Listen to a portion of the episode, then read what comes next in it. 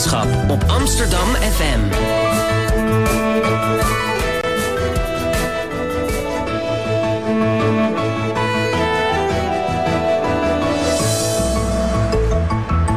Radio Swammerdam. Een hele goede morgen en welkom bij Radio Swammerdam, het wekelijkse wetenschapsprogramma op Amsterdam FM. En vandaag hebben we een hele speciale uitzending. We zijn namelijk jarig. Ja, vijf jaar zijn we. Onze eerste Lustrum-uitzending. Vandaag mogen we twee uur lang hele mooie radio maken. We zitten vandaag zelfs op de vierde etage van de OPA. We zijn geüpgrade, hè Sterren? Ja, geüpgrade naar een prachtige studio waar het mogelijk is om een band te hebben. Die zitten al klaar. Ja, en we hebben nu twee techniekhokken. En drie wetenschappers vandaag. Ja, we hebben vandaag uh, allemaal wetenschappers die iets kunnen vertellen over Jan Swammerdam. De man waar we onze naam aan hebben verwant. We hebben aan tafel, uh, dit uur hebben we Emanuel Rutte. En hij is natuurkundige, nee, wat is wiskundige en filosoof. En verbonden aan de Abraham Kuyper Instituut aan de VU. Welkom. Dankjewel. En uh, naast hem zit Cor Zonneveld. Hij is theoretisch bioloog en docent aan de University College van Amsterdam. Welkom. En uh, later, uh, later in de uitzending hebben we ook nog professor immunologie en oncologie, geloof ik, van de VU. Ja, ze is in ieder geval professor en ze weet heel veel over kanker en over het immuunsysteem. En dat is Marjolein van Egmond. Die komt zo. Ja. Maar we willen natuurlijk eerst even aan de heren vragen. Wij zijn helemaal naar de vierde etage gestoken. Wat trok u eigenlijk naar de wetenschap? Nou, voor mij was het uh, uh, bewondering, verwondering, nieuwsgierigheid. Ik wilde gewoon heel graag weten wat de werkelijkheid ten diepste is. Hoe de wereld in elkaar zit. En die nieuwsgierigheid heb ik eigenlijk mijn hele mijn jeugd met me meegenomen. Tot op de dag van vandaag. Cor, wat was voor jou de reden om uh, de wetenschap in te gaan? Ja, ik herken daar veel in. Um, ik herinner me als, als klein kind inderdaad die eindeloze verwondering voor wat je om je heen ziet. Uh, je ziet twintig verschillende vlinders die allemaal heel op elkaar lijken. Waarom zijn die er? Ja, dat is uh, nieuwsgierigheid. Nou, mocht je nieuwsgierig zijn van wat we nog meer gaan doen, lieve. Je hebt een lijstje met dingen die we allemaal in de uitzending ja, hebben. Ja, ik ga het even oplezen hoor. We vieren een feestje en, en, we hebben daarvoor twee reportages gemaakt. Eentje over het leven van Jan Swammerdam en eentje over het Swammerdam Instituut for Life Sciences, want dat bestaat nog steeds. Um, er komen ook straks de oprichters van het programma, Tamar de Waal en Alexander Bakkers komen langs om te vertellen hoe het nou is om een radioprogramma te beginnen op Amsterdam FM. En we hebben live muziek van Elene May. Die zitten achter mij. En die gaan tussendoor ons uh, heel erg vrolijk maken met hun uh, mooie liedjes. En natuurlijk hebben we André Kloekoen. Die komt straks in het tweede uur. Want hij is columnist van het eerste uur. En die komt een mooie column doordragen over de microscoop van Jan Swammerdam. Ja, onze oudste en meest trouwe columnist is vandaag ook uh, naar de vierde afkomen reizen. Ja, als u ons soms hoort smakken, dat kan kloppen, want we eten tussendoor ook taart. Jam, jam, jam. Volgens mij is het dan tijd voor de eerste reportage. Want we willen natuurlijk weten, deze uitzending, wie Jan Swammerdam nou eigenlijk was. En Tim en Luc, die zijn uh, uh, op pad geweest. Swammerdam die werd geboren in 1637 in Amsterdam. En was een van de grootste wetenschappers uit de 17e eeuw.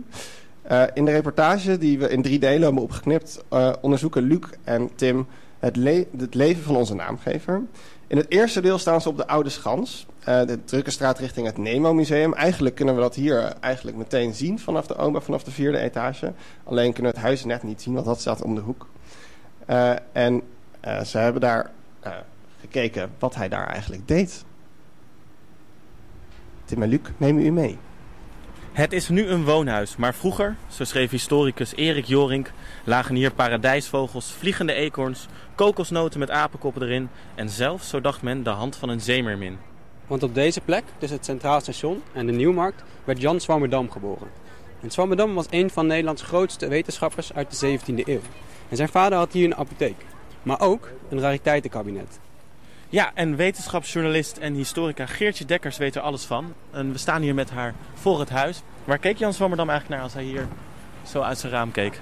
Hij keek uit op het water en hij leefde min of meer in het havengebied, de La Stage, waar schepen werden gebouwd, vlakbij het Damrak. Dus hij keek uit op de, de schepen die allerlei interessante goederen aanbra aanbrachten uit de Oost.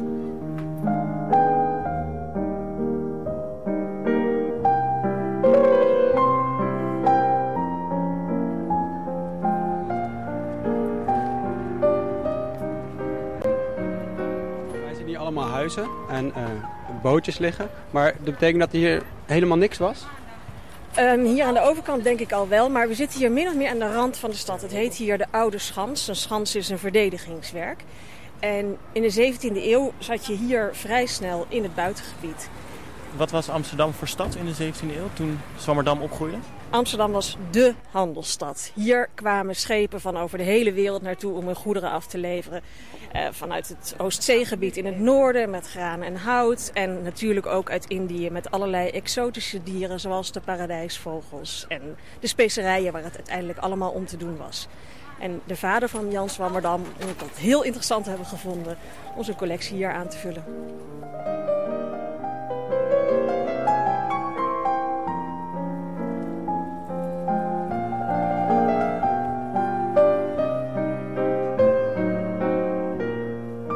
Heel grote vraag naar, naar exotica, naar rariteiten. Die waren allemaal nieuw. En er waren Amsterdammers en andere Europeanen ontzettend nieuwsgierig naar. En vandaar dat sommige van hun, zoals de apothekers van Mardam, ze gingen verzamelen. En uh, ook andere nieuwsgierigen bij hen thuis uitnodigden om daar naar te komen kijken. Wat deed dat met het wereldbeeld van de mensen uit die tijd? Nou, het maakte duidelijk dat die wereld heel veel groter, of in ieder geval complexer bevolkt was dan iemand ooit had gedacht. Dat er dus paradijsvogels waren, dat er gordeldieren waren, dat er oneindig veel dieren waren waarvan auteurs van de Bijbel nooit hadden gehoord. En waardoor allerlei mensen gingen denken, hoe, hoe hebben die ooit op die ark van Noach allemaal samengepast? Al die nieuwe kennis die met die schepen werd aangevoerd, eh, bracht heel veel mensen vooral ook aan het twijfelen. Ja, dat is het wonderbaarlijke aan Zwammerdam. Hij leeft dus aan de rand van de stad en gaat voortdurend naar buiten en verzamelt allemaal insecten en wormen en gaat die ontleden.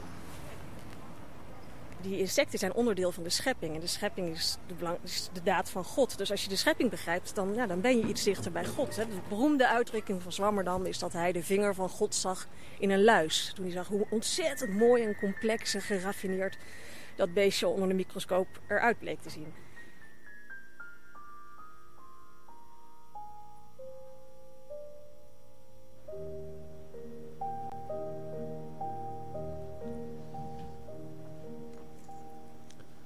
En welkom terug bij Radio Zwammerdam. We luisteren naar het eerste deel van het drieluik van de reportage van Tim Wagenmakers en Luc X. En het ging over het leven van Jan Zwammerdam.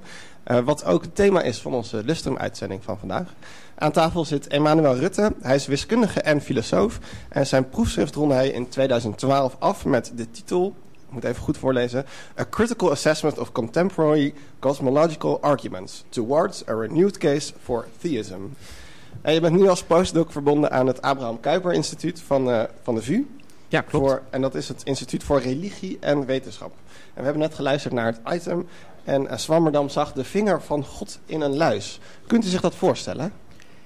Ja, dus, dus ik kan me inderdaad voorstellen dat als je naar de wereld kijkt... Um, als je ontvankelijk bent voor, voor wat er zich dan voor je ogen afspeelt dat er allerlei um, tekenen zijn, uh, redenen zijn, vermoedens zijn om te denken dat deze wereld niet zomaar uit het niets ontstaan is. Of niet zomaar een willekeurige verschijning is. Maar dat er inderdaad redelijkerwijs, uh, mogelijkerwijs een, een, een scheppende hand achter zit. En de luis zou ik dan zelf geen goed voorbeeld vinden. Omdat ik zelf uh, uitga van de evolutietheorie. Mm -hmm. Dus ik ben in die zin... Ik, ik, ik, ik zie geen teken van, van God in, in biologische complexiteit. Maar ik denk wel dat er allerlei andere tekenen of andere um, sporen zijn in, in, de natuur... die je wel zeg maar, op, de, op die gedachte kunnen brengen. Um, ja. En ik dus heb een aantal van die argumenten ook bestudeerd... en ook verder ontwikkeld in mijn proefschrift. Aha. En u bent zelf als net als Swammerdam dus ook gelovig? Ik ben gelovig, ja. Ja, absoluut. Ik ben christen. Is ja. dat een uitzondering in de wetenschap?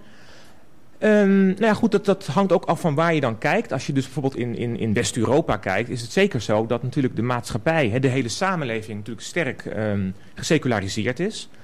Um, geloof in God is een minderheidspositie geworden, dat weten we. En dat zie je natuurlijk ook in de wetenschap. Dus inderdaad zijn de meeste wetenschappers of agnost of, of, of, of ongelovig. Maar er zijn zeker ook nog, nog genoeg gelovige wetenschappers in de wetenschap. Die daar ook hele proefschriften over schrijven. En die daar ook uh, met heel veel enthousiasme en heel veel plezier uh, heel goed wetenschappelijk onderzoek, denk ik, uh, verrichten. En is er dan, zou je kunnen zeggen dat er een conflict is tussen het geloof en wetenschap? Eigenlijk sinds die wetenschappelijke revolutie van de 17e eeuw? Ja, dus, dus, dus die, die, die, die, die conflictstelling. Hè? Dus ik, ik zelf denk eerlijk gezegd, um, om het maar een beetje krachtig te formuleren. Ik denk dat de hele gedachte dat er een conflict zou zijn tussen geloof en wetenschap eigenlijk een moderne mythe is. Dat is eigenlijk een mythe. Een mythe die wat mij betreft zo'n beetje rond de 19e eeuw ontstaan is. En die in de volksmond inderdaad vaak beleden wordt. Maar ik denk dat er helemaal geen sprake is van een conflict. Integendeel zou ik zelfs willen zeggen. Uh, integendeel? Wat bedoelt hij? Ja, dus, dus nou, jij gaf het zelf al aan. Hè? Dus, dus als je dus kijkt naar... naar of, of laat ik het anders zeggen. Als je, als je uitgaat van geloof in God. Hè? Dus stel dat je daar even als een... Als een als je daarvan uitgaat. Dan, dan is het helemaal niet raar om te denken dat de wereld begrijpelijk is. Dat de wereld een zekere orde heeft, een zekere structuur heeft. Mhm. Dat er bepaalde natuurwetten zijn. Hè, wetten zijn die voor de hele natuur gelden. En dat wij als mens met ons, met ons verstand, met ons redenvermogen... daar ook kennis van kunnen krijgen. Want, want als God de wereld geschapen zou hebben... dan ligt het zelfs voor de hand dat die wereld dan ook voor ons begrijpelijk is... En dat die wereld ook een zekere orde heeft. En dat zijn juist eigenlijk de voorwaarden.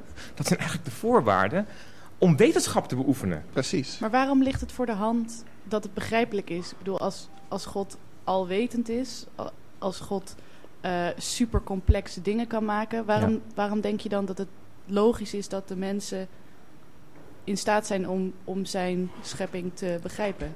Ja, de gedachte is dan dat als de, als de werkelijkheid uiteindelijk voortkomt niet uit stof of materie of uit, uit iets anders, maar uit een, uit een schepping van een bewust redelijk wezen.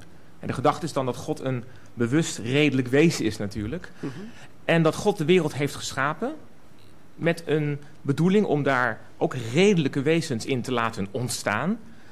Dan is het niet zo raar om te denken dat natuurlijk die rationaliteit van God op de een of andere manier zijn uitdrukking vindt in de wereld zelf. En dat wij met ons redenvermogen daar dan ook bij kunnen. En dat Ga je er dus een... vanuit dat, dat God een soort dat wel redelijk veel lijkt op de mensen die hij uiteindelijk wel geschapen Nou, dat, dat zou ik wel een heel vergaande uitspraak vinden. Maar ik, ik, ik, ik probeer dan in te zoomen, zeg maar, op dat aspect van dat de wereld een, een, een, een schepping is van een rationeel of redelijk wezen. Die dan ook een zekere orde heeft aangebracht, zodat er ook een orde te ontdekken valt. En het is niet zo raar om te denken dat dan de, de mens die dan uiteindelijk daaruit voortkomt door God in staat dan wordt gesteld om die wereld ook te kunnen ontdekken. En, en daarmee zijn de voorwaarden voor wetenschap eigenlijk min of meer ja, liggen eigenlijk in dat verhaal in, in, inbesloten, zou je kunnen Swammerdam zei dit eigenlijk ook al, want hij zei... Ja? God is de schepper van het leven en al het leven beantwoordt aan dezelfde onderliggende orde en regels. En dat is eigenlijk een heel oud en filosofisch argument ja. voor het bestaan van God. Klopt dat? Ja, dus we, dit is nog geen argument voor het bestaan van God. Hè? Dit was meer de vraag van, kan de zaak samen gedacht worden? Dus als je uitgaat van God, het bestaan van God... dan is het helemaal niet raar dat wetenschap lukt. Dan heb je nog geen argument voor het bestaan van God natuurlijk. Dat Heeft is... u wel een argument van God, voor het bestaan van God? Er zijn goede, er zijn goede argumenten voor het bestaan van God. Um, nou ja, als ik, misschien kan ik kort misschien eentje dan noemen. Misschien eentje die ook aansluit bij um, ook wat natuurwetenschappelijke inzichten. Mhm. dus bijvoorbeeld, um, wat, een, wat een vrij interessant argument is, is een argument dat eigenlijk de laatste decennia pas ontdekt is, zou je kunnen zeggen. En het argument dat wordt het zogenaamde uh, fine-tuning argument genoemd. Nou, heel kort. Het blijkt zo te zijn dat als je de natuur gaat bestuderen, en daar gebruiken we dan wiskunde voor. Hè? Allemaal hele complexe wiskundige formules. U bent er heel bekend mee geloof Ja, ik ben daar enigszins vertrouwd mee. Maar ik denk dat mijn uh, collega's hier vandaag dat ook zeker hebben. Dan weten we dat in die formules bepaalde getalletjes zitten. Dat zijn bepaalde ja, constanten, zeg maar, die je moet meten. Het, het, het aardige is nu dat als je één van die getalletjes een klein beetje verandert... Hè, bijvoorbeeld de zwaartekrachtconstante iets groter maakt... of de elektriciteitsconstante iets lager maakt... dan kun je gewoon uitrekenen dan kun je gewoon doorrekenen wat er dan gebeurd zou zijn. Wat voor een universum er dan ontstaan zou zijn. En dan blijkt eigenlijk dat als je dat doet, dat er geen universum ontstaan zou zijn dat geschikt is voor leven. Hm. Dus het, het bijzondere, het, het saliante is dat die, dat die getalletjes in die formules nu precies die waarde hebben die leven mogelijk maakt. En dat iedere andere combinatie niet tot leven geleid zou hebben. Nou, als je dan gaat afvragen, hè, hoe zit dat? Je gaat een aantal opties aflopen. Dan is de optie dat die constanten die waarde hebben, omdat ze op de een of andere manier gewild zijn. Hè, filosofen noemen dat intentionaliteit. Die Mhm. constanten hebben die waarde. Opdat er leven zou zijn, is een hele redelijke optie. En dat geeft je een, een, een reden, een, een, een, een, ja, een, een argument, geen bewijs, hè, een argument voor de, voor de gedachte dat de wereld inderdaad is voortgekomen uit wat wij God noemen. Eigenlijk een onderbouwde intuïtie, zou je kunnen zeggen. I- nou ja, goed, het is, het is dus meer dan intuïtie, hè, want het maakt, dat is, het is aardige ook, het maakt dus in feite direct gebruik van wetenschappelijke resultaten. En wat je überhaupt ziet in de hedendaagse ehm, filosofie, eh, is dat, en, en zeker als het gaat om argumenten voor het bestaan van God, is dat eigenlijk die argumenten juist echt gebruik maken van resultaten van vakwetenschap. Dus dat fine-tuning verschijnsel, dat is puur een kosmologisch, fysisch verschijnsel. Daar wordt over nagedacht. Er worden allerlei opties uitgewerkt. uitgewerkt.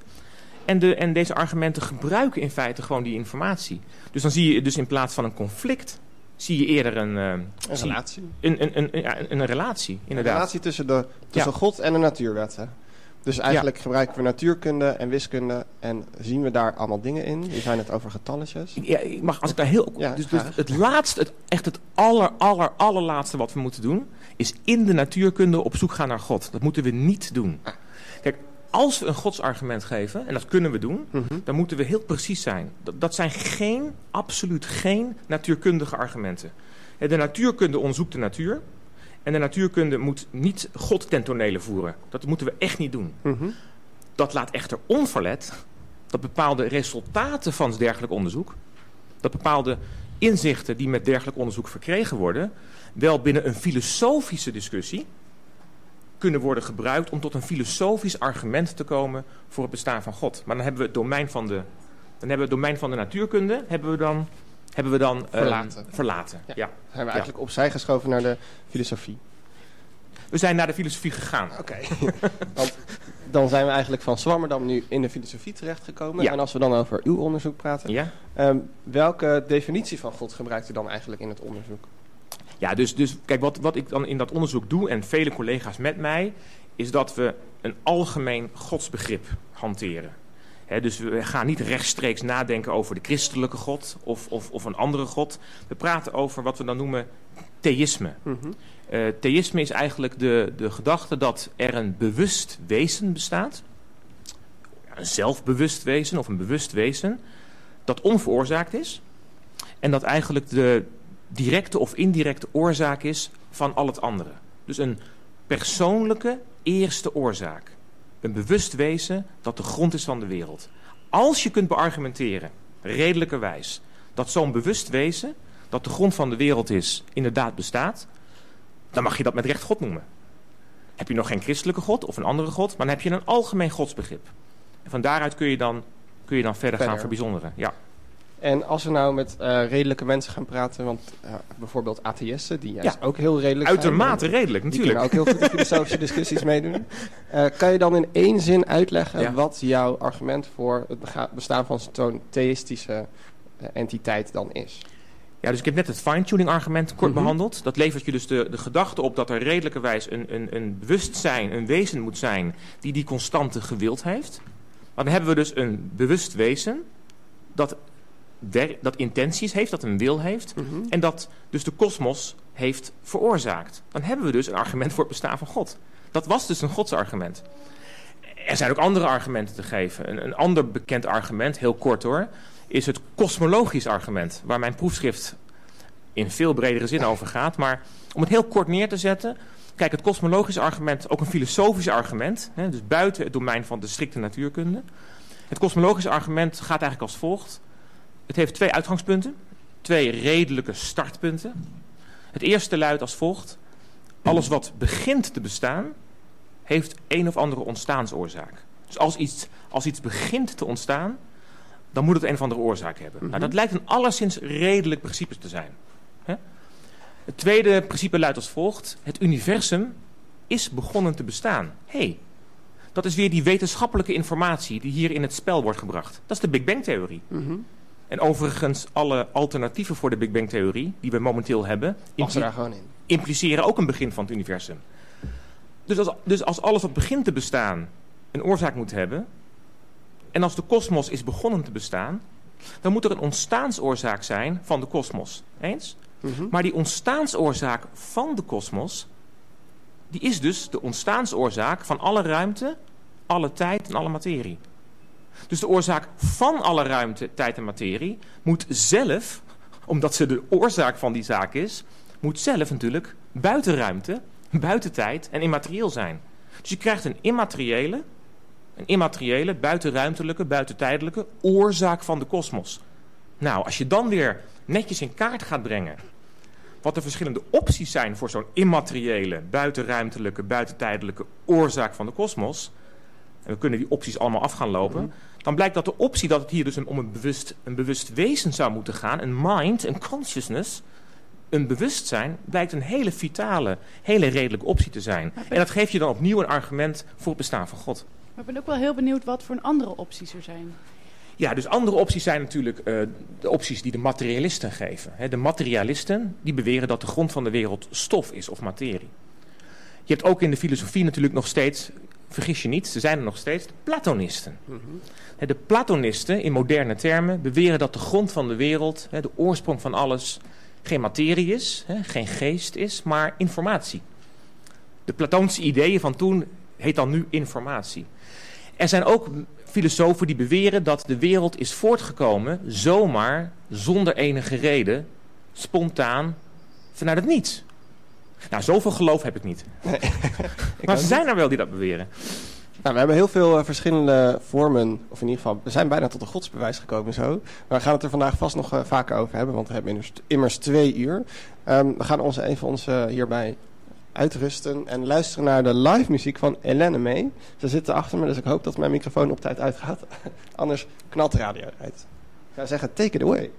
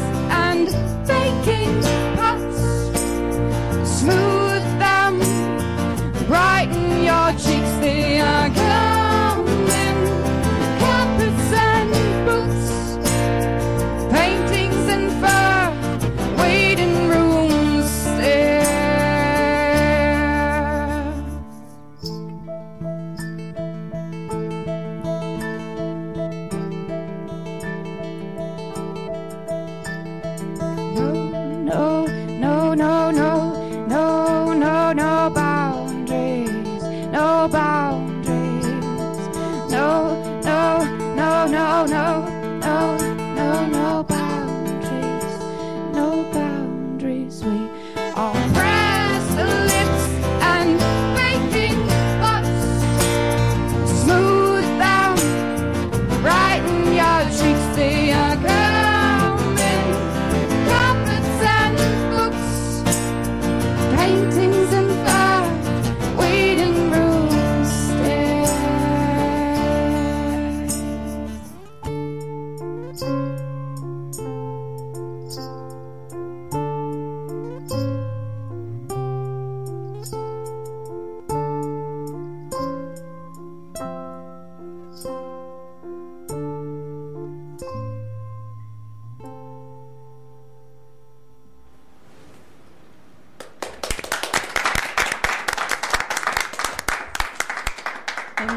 En Elena, hoe heette dit nummer?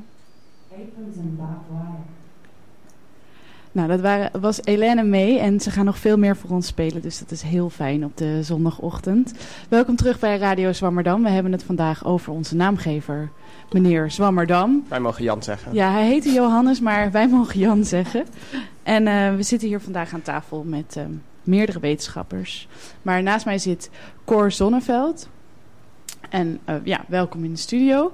je. Je bent eh, docent bij eh, de EUC, het Amsterdam University College.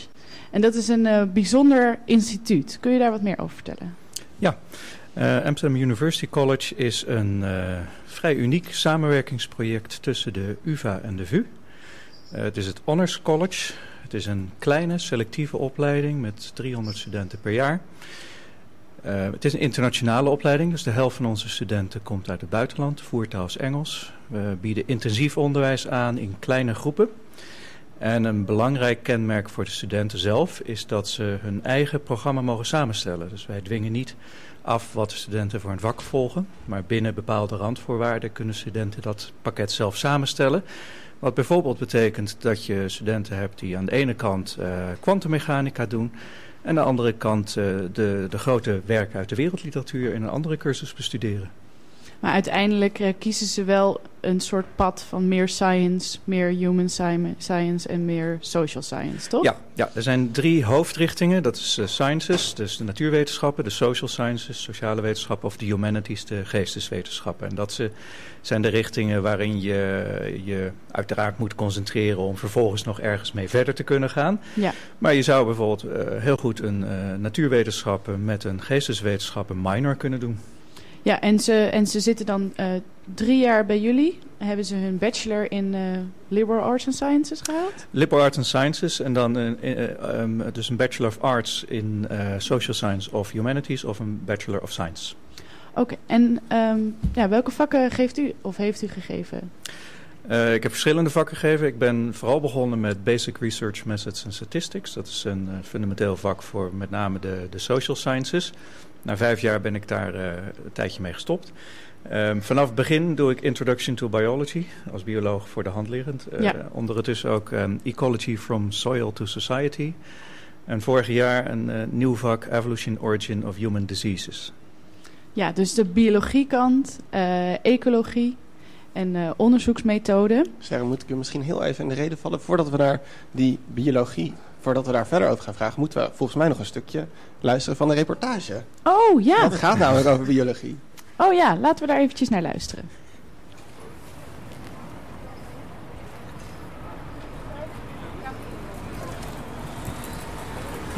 Nou, de deur is open, dus laten we gewoon naar binnen gaan.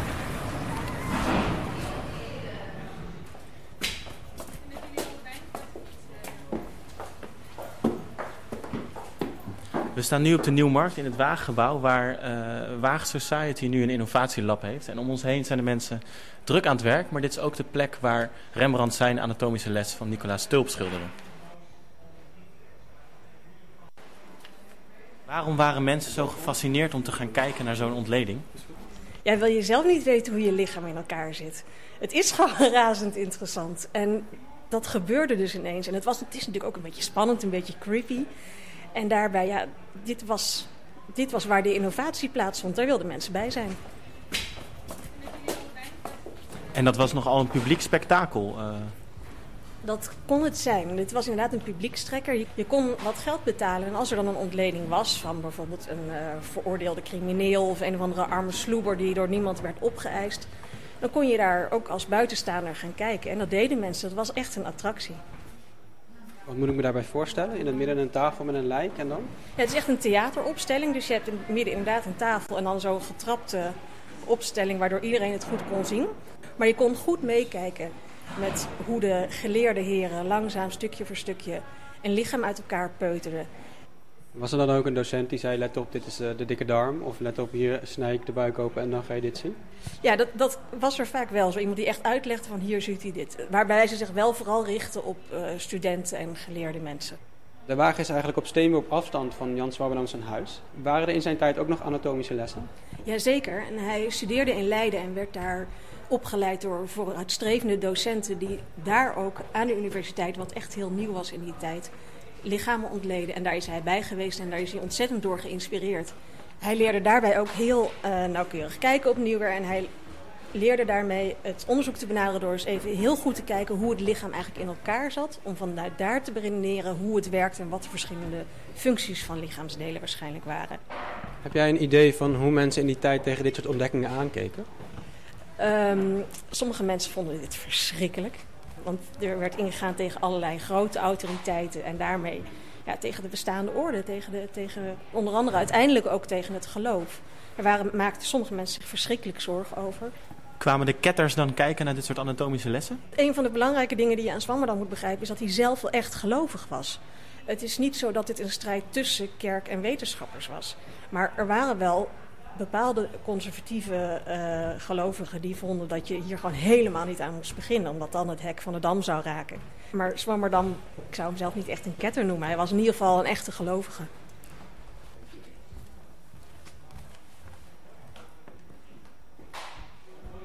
Dat was de reportage deel 2, gemaakt door Luc X en Tim Wagenmakers. Zij spraken met Geertje Dekkers over de tijd van Zwammerdam en hoe er toen bij de Nieuwmarkt, op de Nieuwmarkt onderzocht werd uh, wat er eigenlijk allemaal in lichamen en dieren zaten. Ja, en we waren net al een klein beetje begonnen met kennismaking met uh, Cor Zonneveld, uh, docent aan het Amsterdam University College. Nou uh, hebben wij Wikipedia bekeken en daarop staat dat jo Jan Zwammerdam, of Johannes Zwammerdam, uh, een, prefor een preformatietheoreticus was, of preformist. Uh, Cor, kun je uitleggen wat, wat dat inhoudt? Wat, wat, is, wat betekent die theorie? De preformatietheorie um, doet uitspraken over hoe um, reproductie plaatsvindt.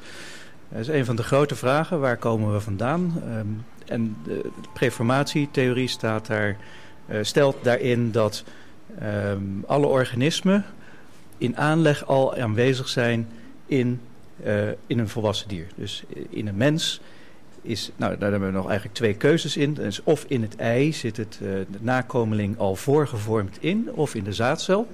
In het ene geval ben je een ovist, in het andere geval ben je een spermist. Um, en in dat eitje zit dan een individu. En in dat individu zitten weer eitjes. En in dat eitje zit weer een kleiner individu. En zo ga je helemaal tot in het oneindige door, tot aan het begin van de schepping. En aan het begin van de schepping waren alle organismen al aanwezig in de eerste dieren die God geschapen had. Dat was ook een geweldige verklaring voor het bestaan van de erfzonde. Want toen Adam en Eva de erfzonde begingen, waren alle mensen al in Adam en e of Eva aanwezig. Dat is nog een keuzemoment. Um, en, en daarmee waren zij dus ook uh, bezoedeld met de erfzonde. En het idee was dan dat, dat zeg maar een heel mens al, laten we even uitgaan van de eicel, al in de eicel aanwezig was. En dat het, zich alleen maar hoeft, dat het alleen maar hoefde te groeien. In zijn meest extreme en simplistische vorm wel. De preformatietheorie is een theorie die enkele eeuwen lang uh, het veld gedomineerd heeft. En uh, als je daarover gaat lezen blijkt dat er heel gedifferentieerd over gedacht is. Maar in de meest elementaire vorm, en er zijn ook plaatjes van, uh, van, van spermacellen met kleine mensjes daarin. Hoe kwam het dat hij dat dacht? Of dat dat toen gedacht werd? Um, nou, ten dele zal, uh, als je gaat kijken naar de microscopen van vroeger, dan waren dat niet zulke precisie-instrumenten als nu. Men uh, moest de lenzen bijvoorbeeld zelf maken. Dus je krijgt daar al gauw toch wat, wat vertekeningen in. En het is, uh, ja, hoe je het ook went of keert, wat je weet, voor een deel beïnvloedt wat je ziet. Je waarneming staat niet los van je kennis. En als je dus ervan overtuigd bent dat dit zo is, en je ziet bepaalde dingen die je niet helemaal goed kunt duiden, dan ga je dat interpreteren als evidentie voor, als bewijs voor uh, wat je al weet. Ja, dus ze, ze hadden vrij primitieve microscopen en ze keken naar een kwakje zaad. En daar zagen ze gewoon allemaal mensjes in. Nee, ze zagen daar kleine wormpjes in. Uh, dus Leeuwenhoek is de eerste geweest die dat gezien heeft. Dus die heeft Antonie van Leeuwenhoek. Van Antonie van Leeuwenhoek, ja. Uh, was een van de andere grote microscopisten uit de 17e eeuw. En hij was um, degene die het eerst die, die zaadcellen heeft uh, gezien. En die, die werden toen door anderen ook gezien. Um, ja, dat werden dan uh, kleine wormpjes. Er was een, een, heel groot discussiepunt of dat nou iets met voortplanting te maken had of niet. Sommige eh, mensen, eh, Jan Swammerdam ontkende dat bijvoorbeeld. Eh, vele anderen ook. En daar was dan die richtingenstrijd tussen de ovisten en de spermisten. Ja, precies. En eh, tegenwoordig weten we dat, de dat de mens nog niet af is in de, in de wat is het, geslachtscellen. Dus, Ja. ehm, en dus we hebben daar een nieuwe theorie voor ontwikkeld. Hoe, hoe heet die theorie en wat, wat zegt die? Als je zeg maar het hele andere kant van het... Eh, de, tegenover de preformatiestheorie staat de epigenese. En epigenese wil zeggen dat je vanuit een vormloos iets eh, het organisme eh, vorm krijgt. En dat was ook al de, de, de visie van Aristoteles, dus dat gaat heel erg ver terug. Ehm, maar het paste niet bij het filoso- filosofisch wereldbeeld van de 17e eeuw, dat in belangrijke mate ook door Descartes is gevormd. Eh, en het paste ook niet goed bij, ehm, bij de religie, de religieuze overtuiging. En, Ik heb daar een vraag over. Ja. En gelukkig hebben we ook een filosoof aan tafel zitten. Dat filosofisch wereldbeeld, volgens mij is daar een moeilijke woord voor. voor. En we wisselen de hele tijd tussen filosofische wereldbeelden, namelijk die van Swammerdam en nu, en we hadden het net ook over Aristoteles. En het moeilijke woord daarvoor is episteme. Klopt dat? Ja, dat En klopt. wat is dat? Episteme, dat is een term die is gemunt door eh, Michel Foucault, een Frans filosoof. Ehm, en, en een episteme drukt eigenlijk de meest eh, fundamentele, de meest impliciete overtuigingen, uitgangspunten, axioma's uit, waar men in een bepaald tijdvak van uitgaat. Het zijn precies die dingen die iedereen zo evident vindt, zo vanzelfsprekend vindt, dat ze niet eens meer worden gezegd. En binnen zo'n episteme, of ook wel paradigma genoemd, vindt dan wetenschap plaats. En probeert men eigenlijk allerlei puzzels op te lossen om dat wereldbeeld zo compleet mogelijk te krijgen. Dan komt er een moment natuurlijk dat het allemaal hier en daar fout gaat en dat er zogenaamde anomalieën gaan optreden. Bepaalde problemen die men maar niet opgelost krijgt. En als die problemen zich opstapelen, dan zie je dat er een revolutie ontstaat. En dan gaat het ene episteme gaat dan over in een heel nieuw episteme. En dan gaan we op een hele andere manier naar de werkelijkheid kijken. En dat is in de geschiedenis natuurlijk vaker Ik gebeurd. moest daar even over nadenken, of dat tenminste dat kwam, came to mind toen ik hoorde praten over dat er door een microscoop ineens een hele nieuwe wereld ontdekt werd. Maar dat daar toch allemaal dingen in gezien werden waarvan we nu allemaal zeggen, wat is dat eigenlijk voor nou ja, onzin? Of dat was helemaal niet zo. Eh, kan het zijn dat dat dan een ander episteme was? Ja, er was wel degelijk een ander episteme. En, en eh, het, het wereldbeeld was dat God die wereld gemaakt had. En dat je ten dele die wereld ook kon begrijpen. En, en daardoor ook God kon bestuderen door naar die natuur te kijken. Tegelijkertijd was daar een, een mechanistisch wereldbeeld dat door Descartes ontwikkeld is. Zodat men dus heel veel in dat oorzaak-gevolgdenken eh, dacht. En daar past die de preformatie ook heel erg goed in. Terwijl het eh, de epigenese gedachte, dat iets uit niets ontstaat, ja, dat, dat paste niet in het oorzaak-gevolgdenken. En eh, eh, hoe komt het dat eh, Jan Swammerdam onder de preformisten werd, geschaard? Wat, want hij keek naar eh, insecten, hij keek naar verschillende vormen van leven. Zowel door de microscoop, denk ik, als ook gewoon met zijn, gewone, met zijn eigen ogen. Ja. Wat, hij, hij heeft daar bijzondere ontdekkingen in gedaan. Ja, eh, Jan Swammerdam bestudeerde de insecten. En insecten hebben een levenscyclus die heel erg afwijkt van, van wat wij gewend zijn. Wat wij gewend zijn is eigenlijk wat warm en harig is. Zoogdieren of veertjes heeft, vogels. Dat is wat we gewend zijn. Maar insecten ga je kijken, die eh, nemen een vlinder. Het begint als een eitje. Uit het eitje komt een rups. De rups, denk aan een rupsje nooit genoeg, gaat heel erg veel eten. En op een gegeven moment verpopt die. En uit die pop komt dan een vlinder. En voor Jan Swammerdam was het essentieel om aan te tonen dat daar een continuïteit in zat. En dat dat niet een transmutatie was. Dat uit het ene dier plotseling gewoon spontaan iets heel anders ontstond. En hij heeft dat gedaan door die eh, dieren te, te ontleden. En kon dan aantonen dat in een, een, volgroeide larve van een rups, dus een volgroeide rups of de pop, dat je daar al eh, beginnende structuren van de vlinder kon aantreffen. Dus dat er een continuïteit was van de rups naar de pop, naar de vlinder. En dat dat dus hetzelfde organisme was en dat er niet spontaan iets uit ontstond.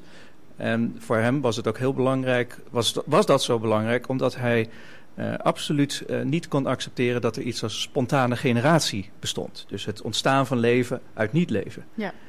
En uh, bij, die, bij die metamorfose van insecten werd wel gedacht dat dat inderdaad het spontaan iets nieuws ontstond. En dat zou een kanselement in zich houden en dat was voor Jan Swammerdam een gruwel. En eh, u heeft daar ook een heel mooi citaat over gevonden, over hoe eh, ja, Jan Swammerdam illustreerde dat wat hij zag een bewijs was voor God. Ja, nou laten we zeggen hoe hij. ehm, Jan Swammerdam was echt zeer diep religieus. Dat was ook. Hij is zelfs een aantal jaren eh, heeft hij geen wetenschap gedaan. Is hij naar een wetenschappelijke, wat we nu secte zouden noemen, gegaan. Hij is daar weer uit teruggekomen.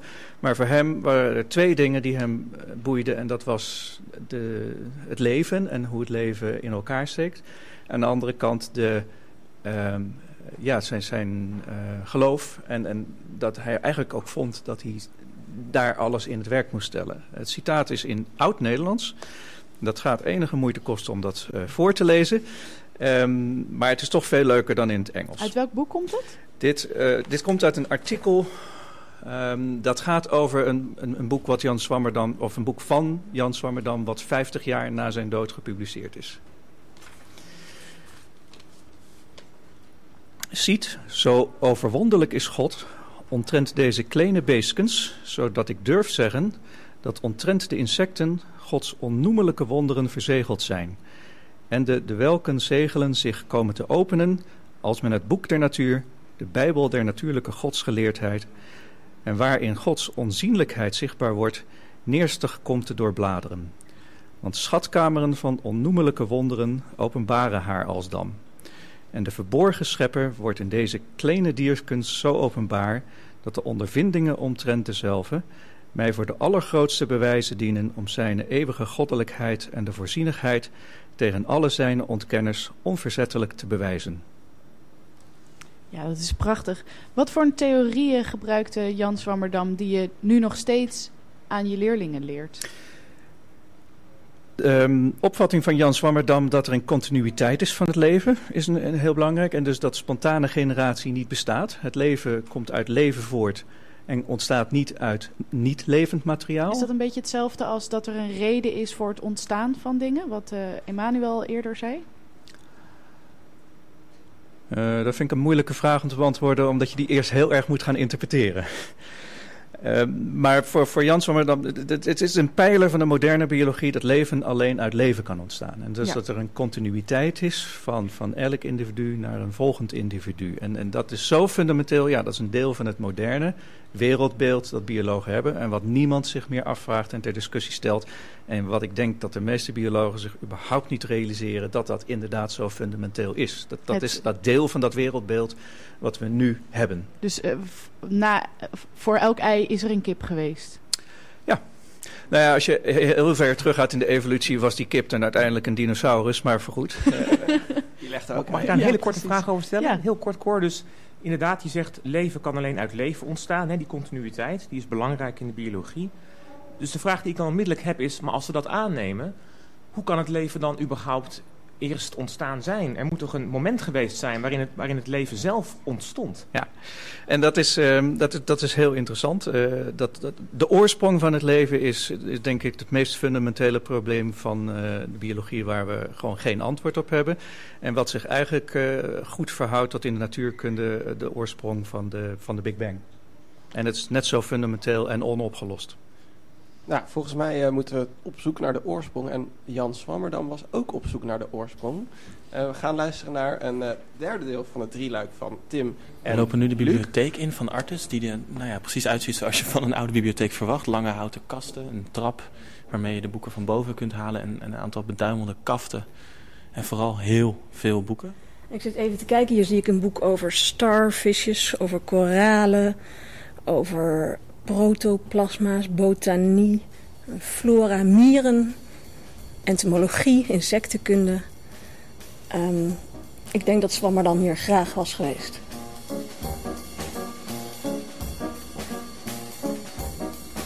We gaan eh, nu spreken met de bibliothecaris. Ik ben Jip Bensberger en ik ben al iets van tien jaar iets van werkzaam in de Artes Bibliotheek en ik ben van oorsprong bioloog. En hoeveel eh, boeken heeft u in de collectie hier? Ik denk iets van 10.000.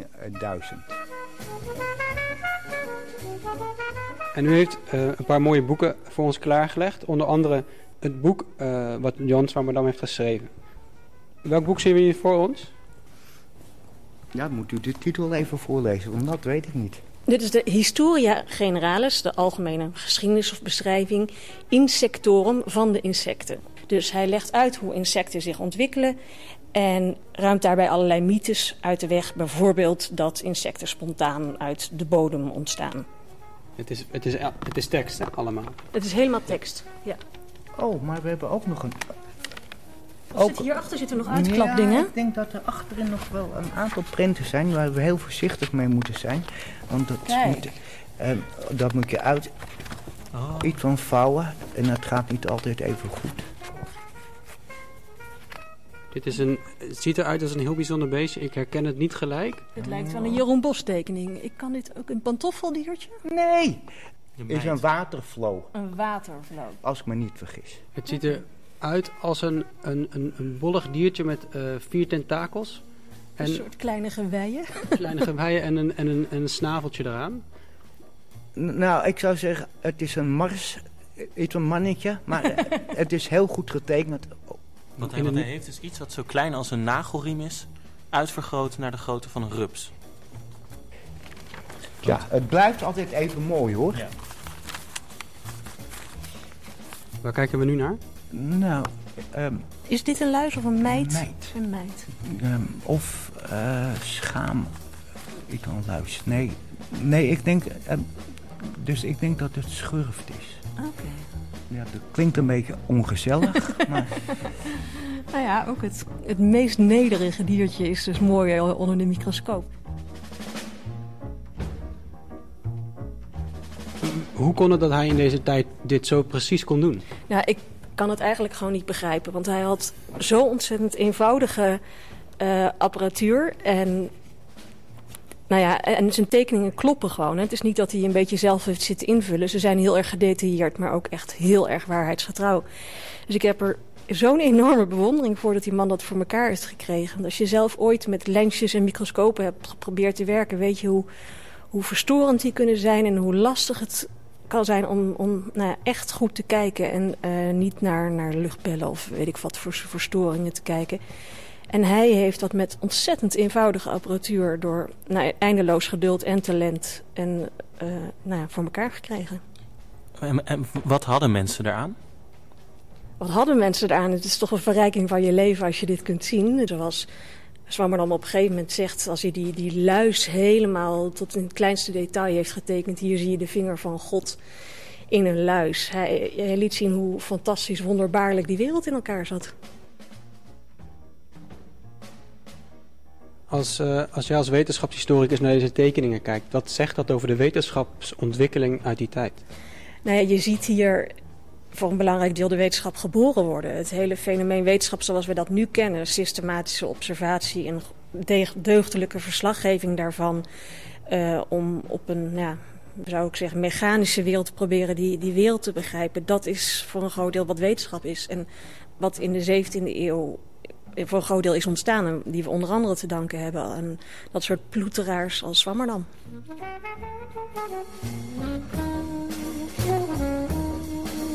Zwammerdam.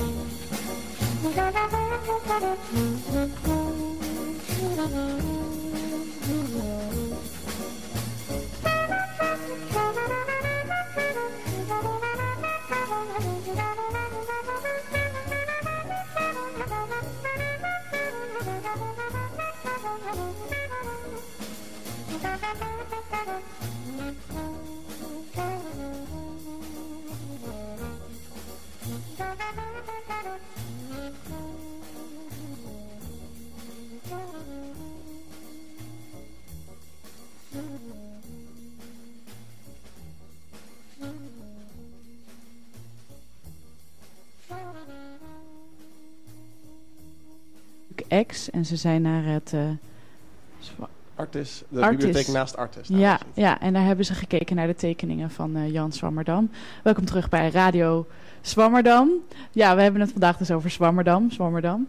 En eh, we gaan zo meteen ook ja, nog veel meer over hem horen. Maar eerst gaan we nog eventjes luisteren naar live muziek van Elene May.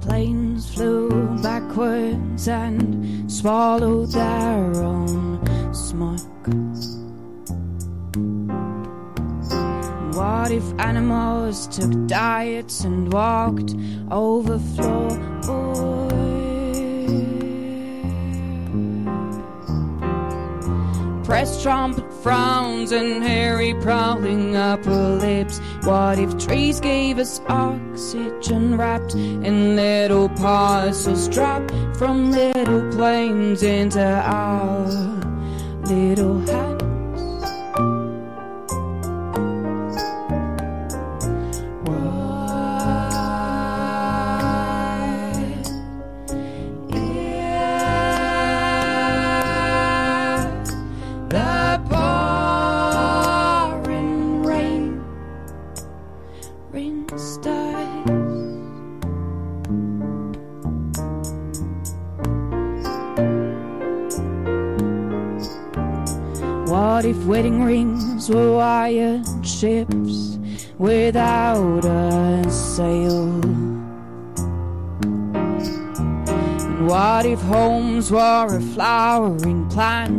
nurtured from the ground?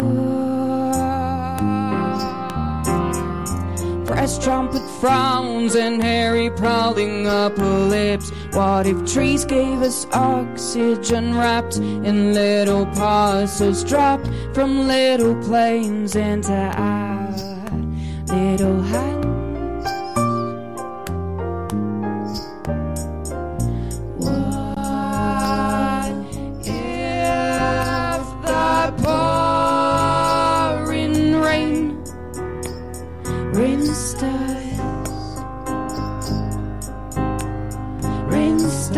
From unhealthy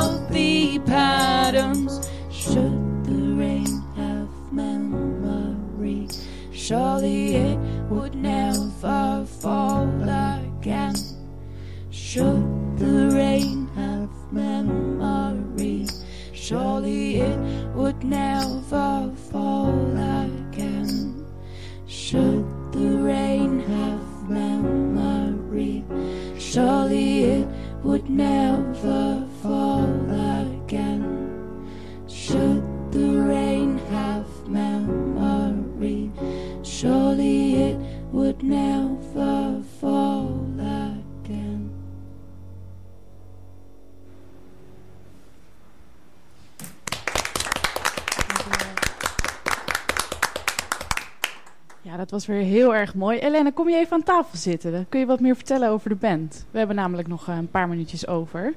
Yes. Dat hebben we nooit eigenlijk, hè? Nee, dat hebben we meestal niet, inderdaad. Hoe heet het nummer dat we, dat we net hebben gehoord? Dit was Trumpet Frowns. En waar ging het over? Ehm, eigenlijk ehm, het omdraaien van alle machten in de wereld en alle rollen. En hoe dat zou zijn. Daarover fantaserend kwam dit uit. Wat mooi, ja. Dat is ook iets waar we het vandaag dus eh, over gehad hebben. Eh, dat heet in de filosofie heette dat epistem. Epistemme, heel goed. Epistemme. Je hebt iets geleerd. Mooi woord. ja, en eh, we hebben het er gehad over eh, dat Zwammerdam in een, nieuwe, in, een, in een nieuwe tijd kwam... waarbij observatie belangrijk was. Ehm, dat hij mooie, ding, mooie dingen heeft gezien en getekend.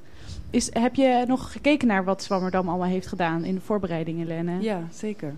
En Ja. eh, gaf dat inspiratie voor nieuwe nummers? Nee, we zijn nu. eh, nee, het werk is, ehm, het, eh, is af. We gaan binnenkort de studio in om dit album op te nemen. Dus dit is echt de eerste keer dat we live met nieuw werk eh, wat laten horen. Wat leuk. Dus dit is de eerste keer dat jullie Ja. eh, dit allemaal spelen? Exclusief op Amsterdam even. Ja, precies.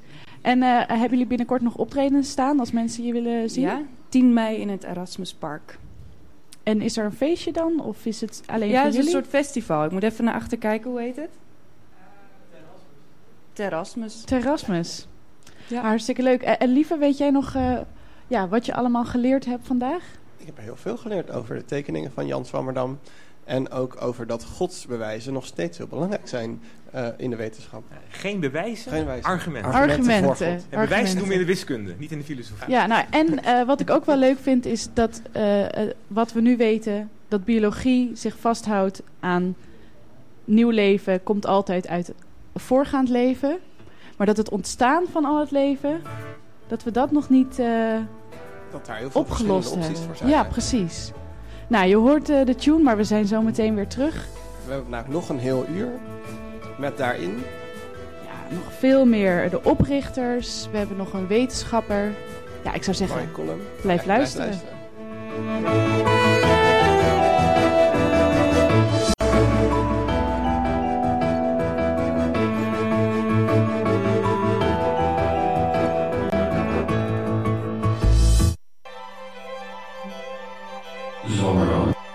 Zwammerdam. Weten. Zwammerdam. Zwammerdam. Weten. Zwammerdam. Wetenschap. Zwammerdam.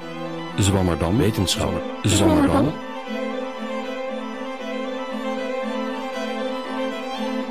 Zwammerdam. Over wetenschap. In Amsterdam.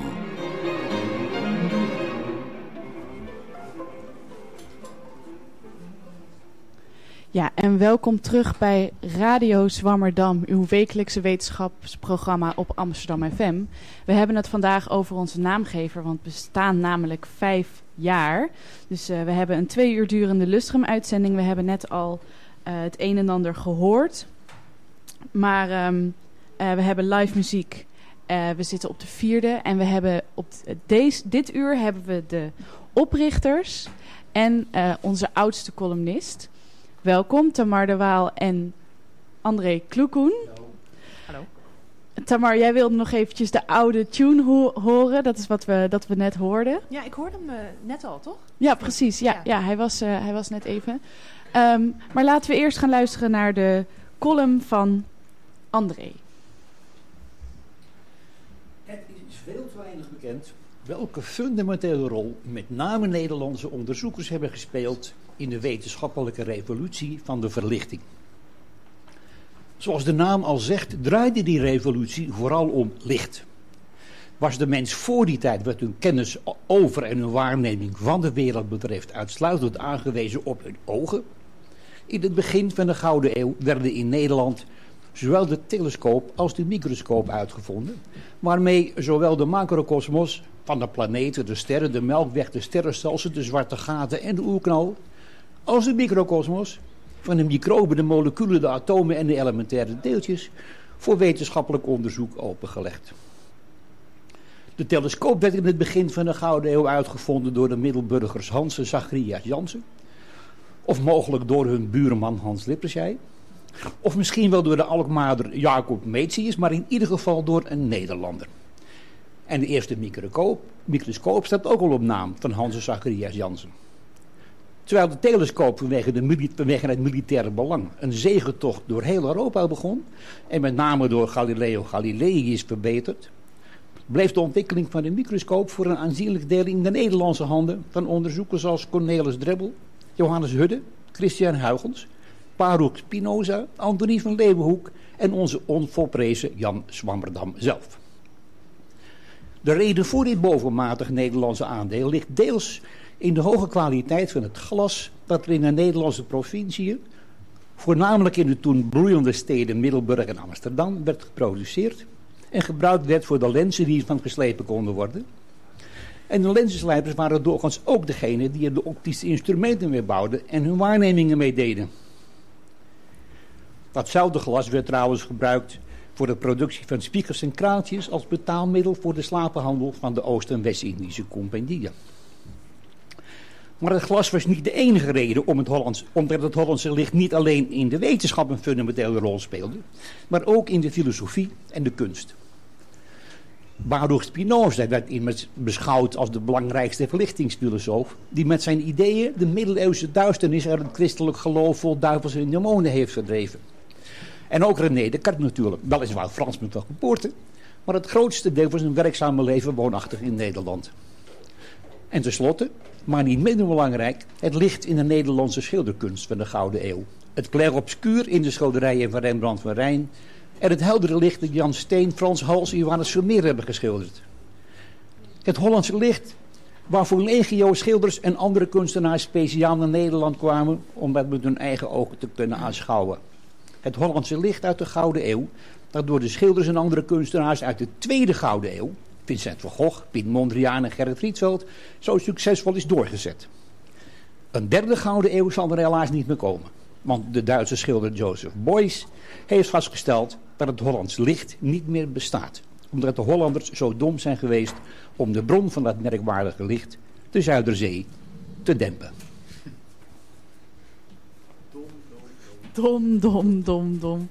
Ja, en inmiddels aan tafel hebben we ook de oprichters van ons eh, magistrale programma Radio Zwammerdam.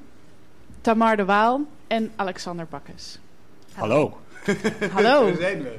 Hey, We zijn er. Hallo André. Zoals gewoonlijk net op tijd. Precies. Ik dacht door de repetitie van vroeger, dus echt net een kwartier te laat eh, weggaan. Ik heb nog nooit zo hard gefietst de afgelopen jaren als voor dit programma. En dat eh, blijkt, blijft hetzelfde. En hoe lang hebben jullie het eigenlijk gedaan? Ehm, nou, drie jaar denk ik. In het eerste jaar echt met z'n tweeën, Alexander en ik. Toen daarna ging ik een tijdje naar het buitenland. Toen kwam Stije Hofhuis erbij. Ja. Toen hebben we het daarna een tijdje met z'n drieën gedaan. En toen is de redactie eigenlijk uitgegroeid tot altijd meer dan vier mensen. Ja, ja toen, toen hadden we inderdaad ook nog Laura en eh, Amber heel kort. En, eh, Ja. nee, maar toen werd het echt een, een, een organisatie. Ja.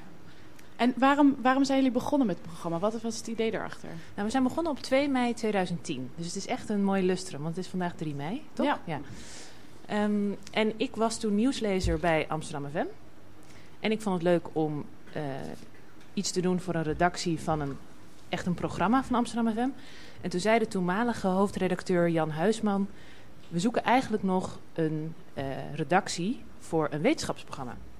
Zouden jullie dat leuk vinden? Of zou jij dat leuk vinden? Het zou op zondagochtend kunnen van 11 tot 12. En dat was voor mij natuurlijk een soort van speeltuin. Want ik kreeg gewoon een uur en daarmee kon ik doen wat ik wilde. En toen zei hij, ja, er loopt hier al een tijdje een jongen rond, Alexander Bakkes. En ehm, misschien kan je het met hem doen. Eh, en ik had Alexander wel eens op een aantal feestjes gezien. Maar voor de rest kende ik hem niet. En toen heb ik Alexander gebeld en toen zijn we eigenlijk eh, daarna meteen begonnen. Ja, nou ja ik, ik liep inderdaad bij Amsterdam FM rond. Ik wilde heel graag bij het programma Graven aan de Amstel. Eh, nou, Wat mocht, voor programma was dat? Dat is een geschiedenisprogramma. En, eh, Door Laurens van der Heijden. Met Laurens van der Heijden. En dat programma was erg goed. En ik heb daar één uitzending mogen kunnen maken. Alleen de heren die hadden zo'n ontzettend op elkaar gezet draaiboek. Ik, voelde me er niet goed bij om daar tussendoor te wringen. En toen op een ochtend ging de telefoon. Hallo, met Tamar de Waal. Je kent mij misschien wel. Misschien ook niet. Wil jij misschien met mij een programma doen over wetenschap? En nou ja, dat had de naam Zwammerdam nog niet. Het was alleen een programma over wetenschap. Ja, ik moet zeggen dat er wel een aantal dingen zijn veranderd. Is veranderd, moet ik zeggen. Eh, jullie noemen het Radio Zwammerdam, hoorde ik net. Oh, Bij ons was het eh, Zwammerdam. Ja. Over wetenschap te Amsterdam. Ja, dat vonden we een beetje te lang. Dat hebben we er op een gegeven moment gewoon Jullie hebben echt de schade ingezet. Ja. En jullie hebben ook de jingle veranderd. Ja, ja daar heeft Zouden we nog eh, één keer gewoon onze jingle kunnen horen? Gewoon Kan dat even? techniek? Waar zit de techniek tegenwoordig? Komt eraan. Ja? Er wordt aan gewerkt. Oké. Ja, want wij waren er erg trots op. Nee, nee, Nee, nee, nee, niet. nee, nee, We willen de andere single horen. We hebben hem net al gehoord. Hij heet, eh, ja, deze. Zwammerdam. Zwammerdam. Weten. Zwammerdam. Zwammerdam. Weten. Zwammerdam. Wetenschap. Zwammerdam. Zwammerdam. Wetenschap. Zwammerdam.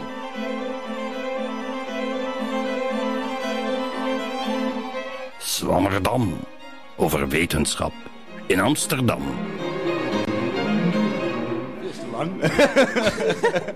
Wat was hier nou mis mee? Waarom hebben jullie dit veranderd? Ja, ik weet niet. Het was op een gegeven moment tijd voor een frisse wind. Eh, Er was nog eh, eh, vaagheid over of het muziek die op de achtergrond klinkt, die van Philip Glass is, volgens mij. Geïnspireerd op, inderdaad. Oh, oké. Oh, het is niet echt van hem. Want we dachten, ja, volgens mij mogen we dit eigenlijk niet draaien. Oh, dat zou best kunnen eigenlijk. Ik weet het niet. Meneer Hans Viege heeft dit gemaakt. Ik weet niet of hij luistert. maar ehm, we kregen dit echt als een kant-en-klaar pakketje. En we zeiden, volgens mij, we willen iets als Philip Glass. Nou, Ja. op. Oh, hij heeft het gewoon gemaakt. Ja, Ja. eh, ja dus uiteindelijk heb ik mijn broertje gevraagd. Maar dit, dit klinkt als een, als een hele eh, melige jingle, ja. Ja. Nou, het is, Is ook het wel, ook? moet ik zeggen, geprofessionaliseerd sinds wij zijn gestart. Ik bedoel, kijk naar deze studio. Ja. Wij zaten...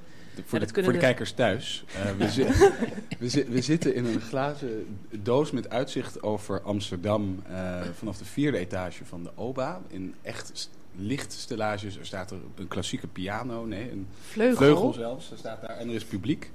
Dat is heel anders dan toen wij begonnen. Dat was namelijk in iets wat het best valt te omschrijven als het rookhok van een kraakpand aan, eh, aan het Rock-in.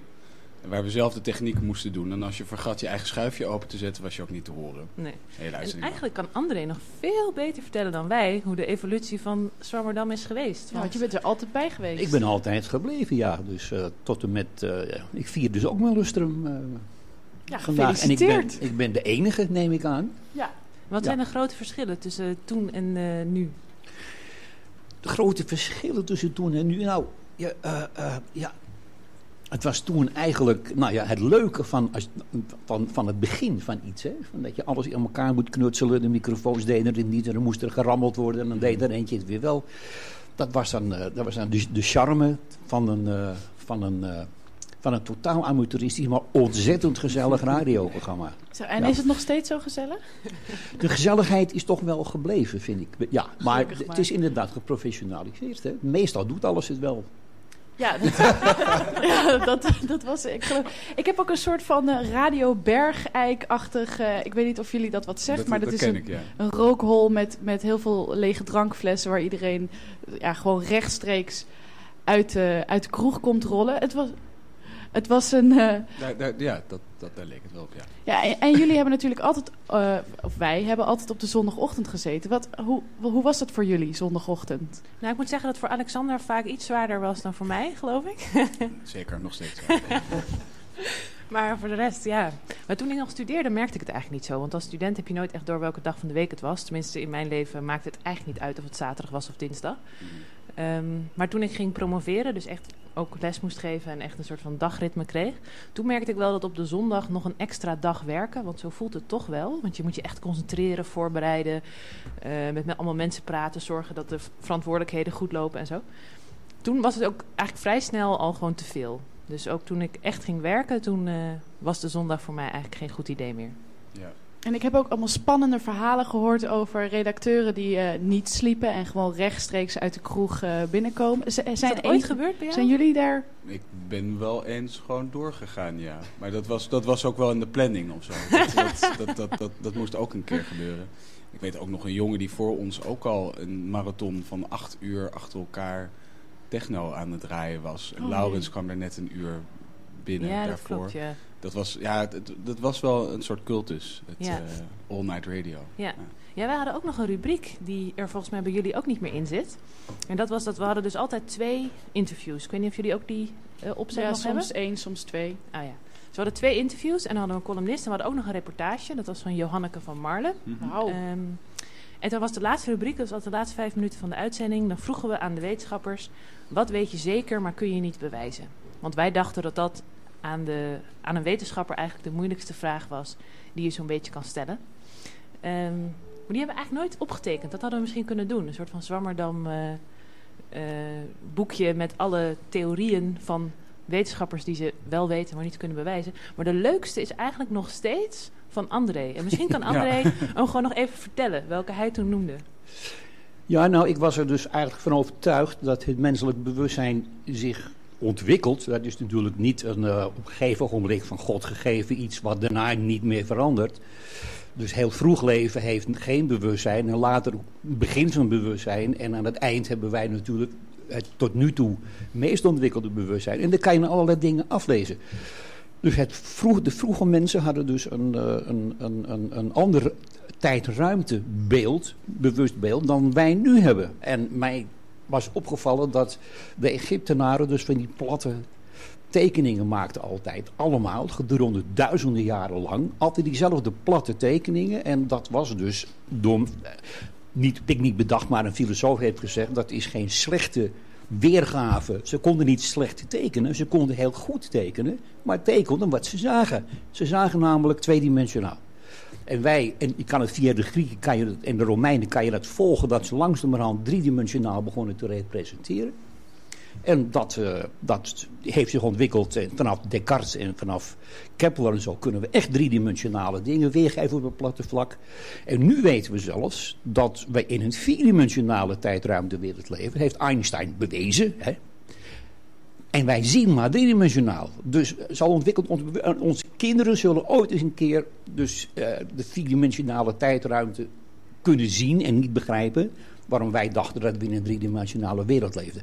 Dat is wat ik dacht te weten zonder het te kunnen bewijzen. Ja. Dus dat de Egyptenaren 2D zagen. Ja, Komt eigenlijk al en, en de mensen na ons 4D. Ja. En wij 3D. Alexander, ik heb het altijd al aan jou willen vragen. Nee, heb je ook een keer gedaan. En toen Oh ja? ik, geloof ik, iets, eh, iets metafysisch. Dat ga ik nu weer doen, denk ik. nee, ik heb altijd heel sterk het idee gehad ehm, dat ehm, alles begint zoals het eindigt. En als je dat, dat ook altijd klopt, als je dat zegt, als je dat toepast. Dat wil zeggen dat ons, en dat lijkt een beetje op wat André zegt... wij ehm, beelden ons in dat eh, tijd lineair is, maar dat is zij niet. Het is niet zo'n verschijnsel. Dus alle gebeurtenissen gebeuren en dan kom je weer op hetzelfde punt als dat ervoor was. Dus alles begint zoals het eindigt. Alles zijn alleen maar puntjes en cirkels. Bedoel je nou gewoon Nietzsche's eeuwige weer? Ja, dat wou ik net keer? zeggen. Heb ik die zomaar hier uitgevonden? Ja, oh, ja. ja nou, ik- eh, complimenten, geweldig. Ja, nou, voilà. Nou, Nietzsche toch. Ja. Ja. Ja, en Tamar, jij dan? En Jij jij? bent inmiddels wetenschapper. Ja, ik heb er dus de afgelopen paar dagen, omdat ik dacht, misschien komt het inderdaad ook op mijn bordje in de uitzending. Ja, hoor. en nu ervaar ik dus pas wat wij de gasten eigenlijk hebben aangedaan. Door een aantal dagen van tevoren even een mailtje te sturen met: Oh ja, we hebben deze rubriek. Ehm, en we, we gaan dus vragen wat je zeker weet, maar niet kunt bewijzen.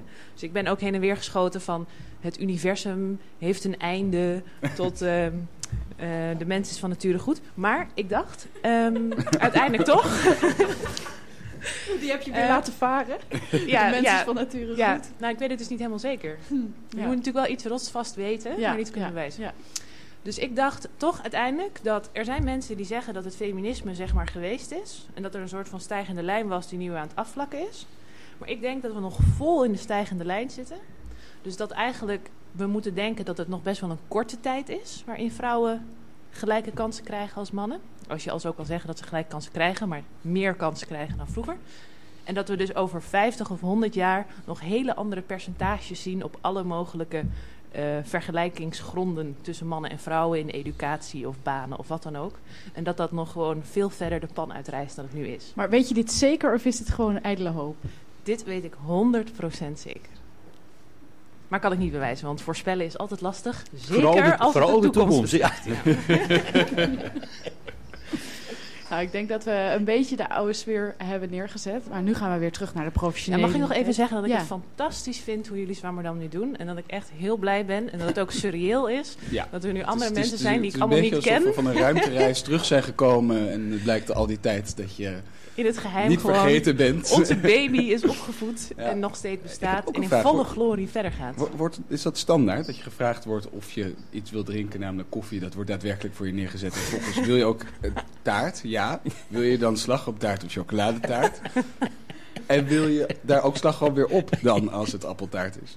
Ja. Nou, eh, is dat normaal of is dat jubileum? Nou, de taart is jubileum, maar de koffie en thee en, eh, en water, dat, eh, dat hebben we er wel in gekregen. Water, ja. Ja, water. Dus Groot soms- vraag. Hartelijk dank eh, zeggen tegen de OBA voor de gratis koffie. Ja, ja, hartelijk dank voor de OBA, van de OBA. Eh, we, gaan, eh, we gaan nog luisteren naar, eh, naar muziek. Eh Elene May heeft eh, net verteld dat ze helemaal vers uit hun schrijfproces komen. En, eh, en hun allernieuwste, nog titelloze liedje gaan ze nu ten gehore brengen.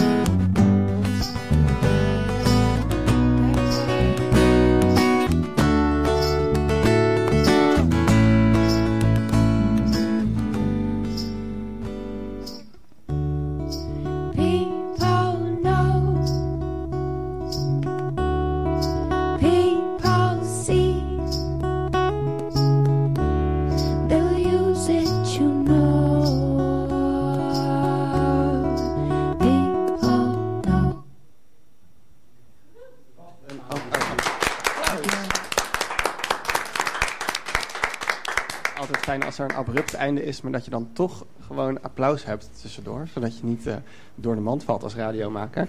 Ehm, wat misschien ook nieuw is, we hebben nog steeds eh, Alexander Bakkes en Tamar de Waal aan tafel. Die zijn dit programma vijf jaar geleden begonnen. Wat misschien nieuw is, dat we nu ook vragen van luisteraars kunnen behandelen. Dat zeggen we altijd eh, via Twitter. Kunnen mensen hebben luisteraars? We hebben luisteraars. Zeker. Eén iemand en die vroeg, waar zijn jullie, wat heeft eh Zwammerdam jullie opgeleverd? Waar zijn jullie nu terechtgekomen? Ja, of Zwammerdam mij wat heeft opgeleverd, ehm, dat durf ik niet 1, 2, 3 te zeggen. Het is wel zo dat ik, toen ik het deed, wel echt de, de mogelijkheid had om mensen te, te interviewen, wetenschappers die ik echt wilde spreken. En een daarvan was eh Jona Lendering, de historicus. En hem lekker doorzagen over het Romeinse Rijk was echt een, een droom. En ik studeerde toen politicologie, soort van of niet. En onder andere door dat interview ben ik later toch geschiedenis gaan studeren. En Tamar?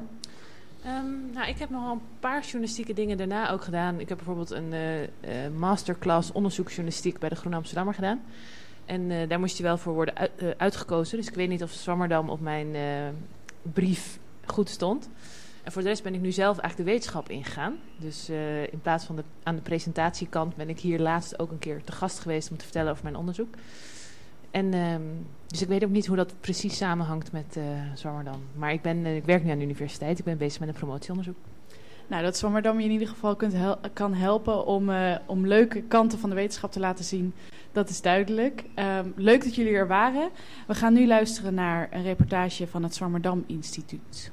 We staan nu op de tweede etage van het Zwammerdam Instituut naast de heer Michel Haring. En hij gaat ons even meenemen in de plantenkasten, want er schijnen hier eh, hele luxe plantenkasten te zijn waar de biologen onderzoek doen. En we staan hier voor een eh, ruimte waar al onze kweekkamers staan, waar we de planten genetisch modificeren. En dat is dus de eerste stap voordat we ze naar de kassen toenemen. Dus, en eh, genetisch modificeren betekent? Ja, snelle veredeling van planten. Dus als jij een eh kwallen in een plant wil bouwen, dan doen wij dat hier. Waarom zou je een kwallen in een plant willen gaan- bouwen? Dan wordt het een glow-in-the-dark plant.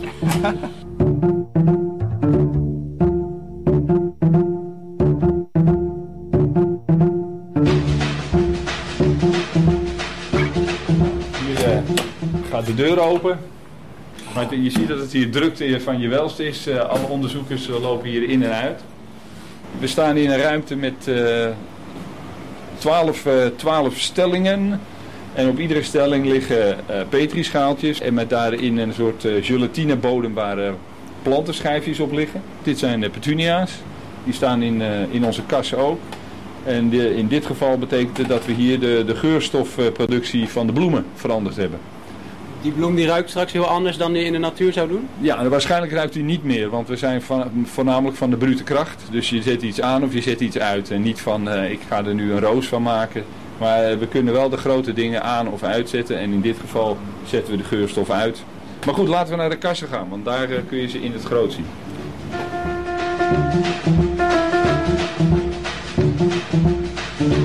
Nou, nu zien we langzamerhand uh, kastcomplex opdagen. Als we omdraaien, dan zie je aan de andere kant de petunia's. En daar waren we natuurlijk net in die kweekkamers. En daar zagen jullie die hele kleine schattige plantjes. En die worden groot natuurlijk. En dat is hier gebeurd. Wat is nu de vraag die u hier gaat beantwoorden met dit onderzoek? Nou, de, de basale fundamentele vraag is van deze witte petunia, die produceert geurstoffen. De kleine petunia's die wij in plantenbakken hebben staan, die zijn gekleurd. En die produceren geen geurstoffen. En dat komt omdat deze planten die ik hier laat zien, die witte, die worden bestoven door nachtvlinders. Die komen op de geur af. En de gekleurde, uh, gekleurde je ziet daar tussendoor een paarse staan. Die worden bestoven door uh, bijen en hommels.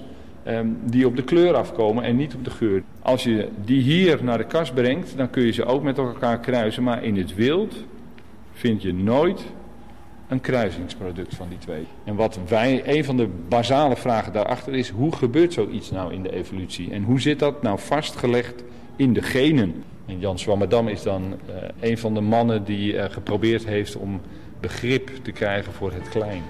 En dat doen wij ook.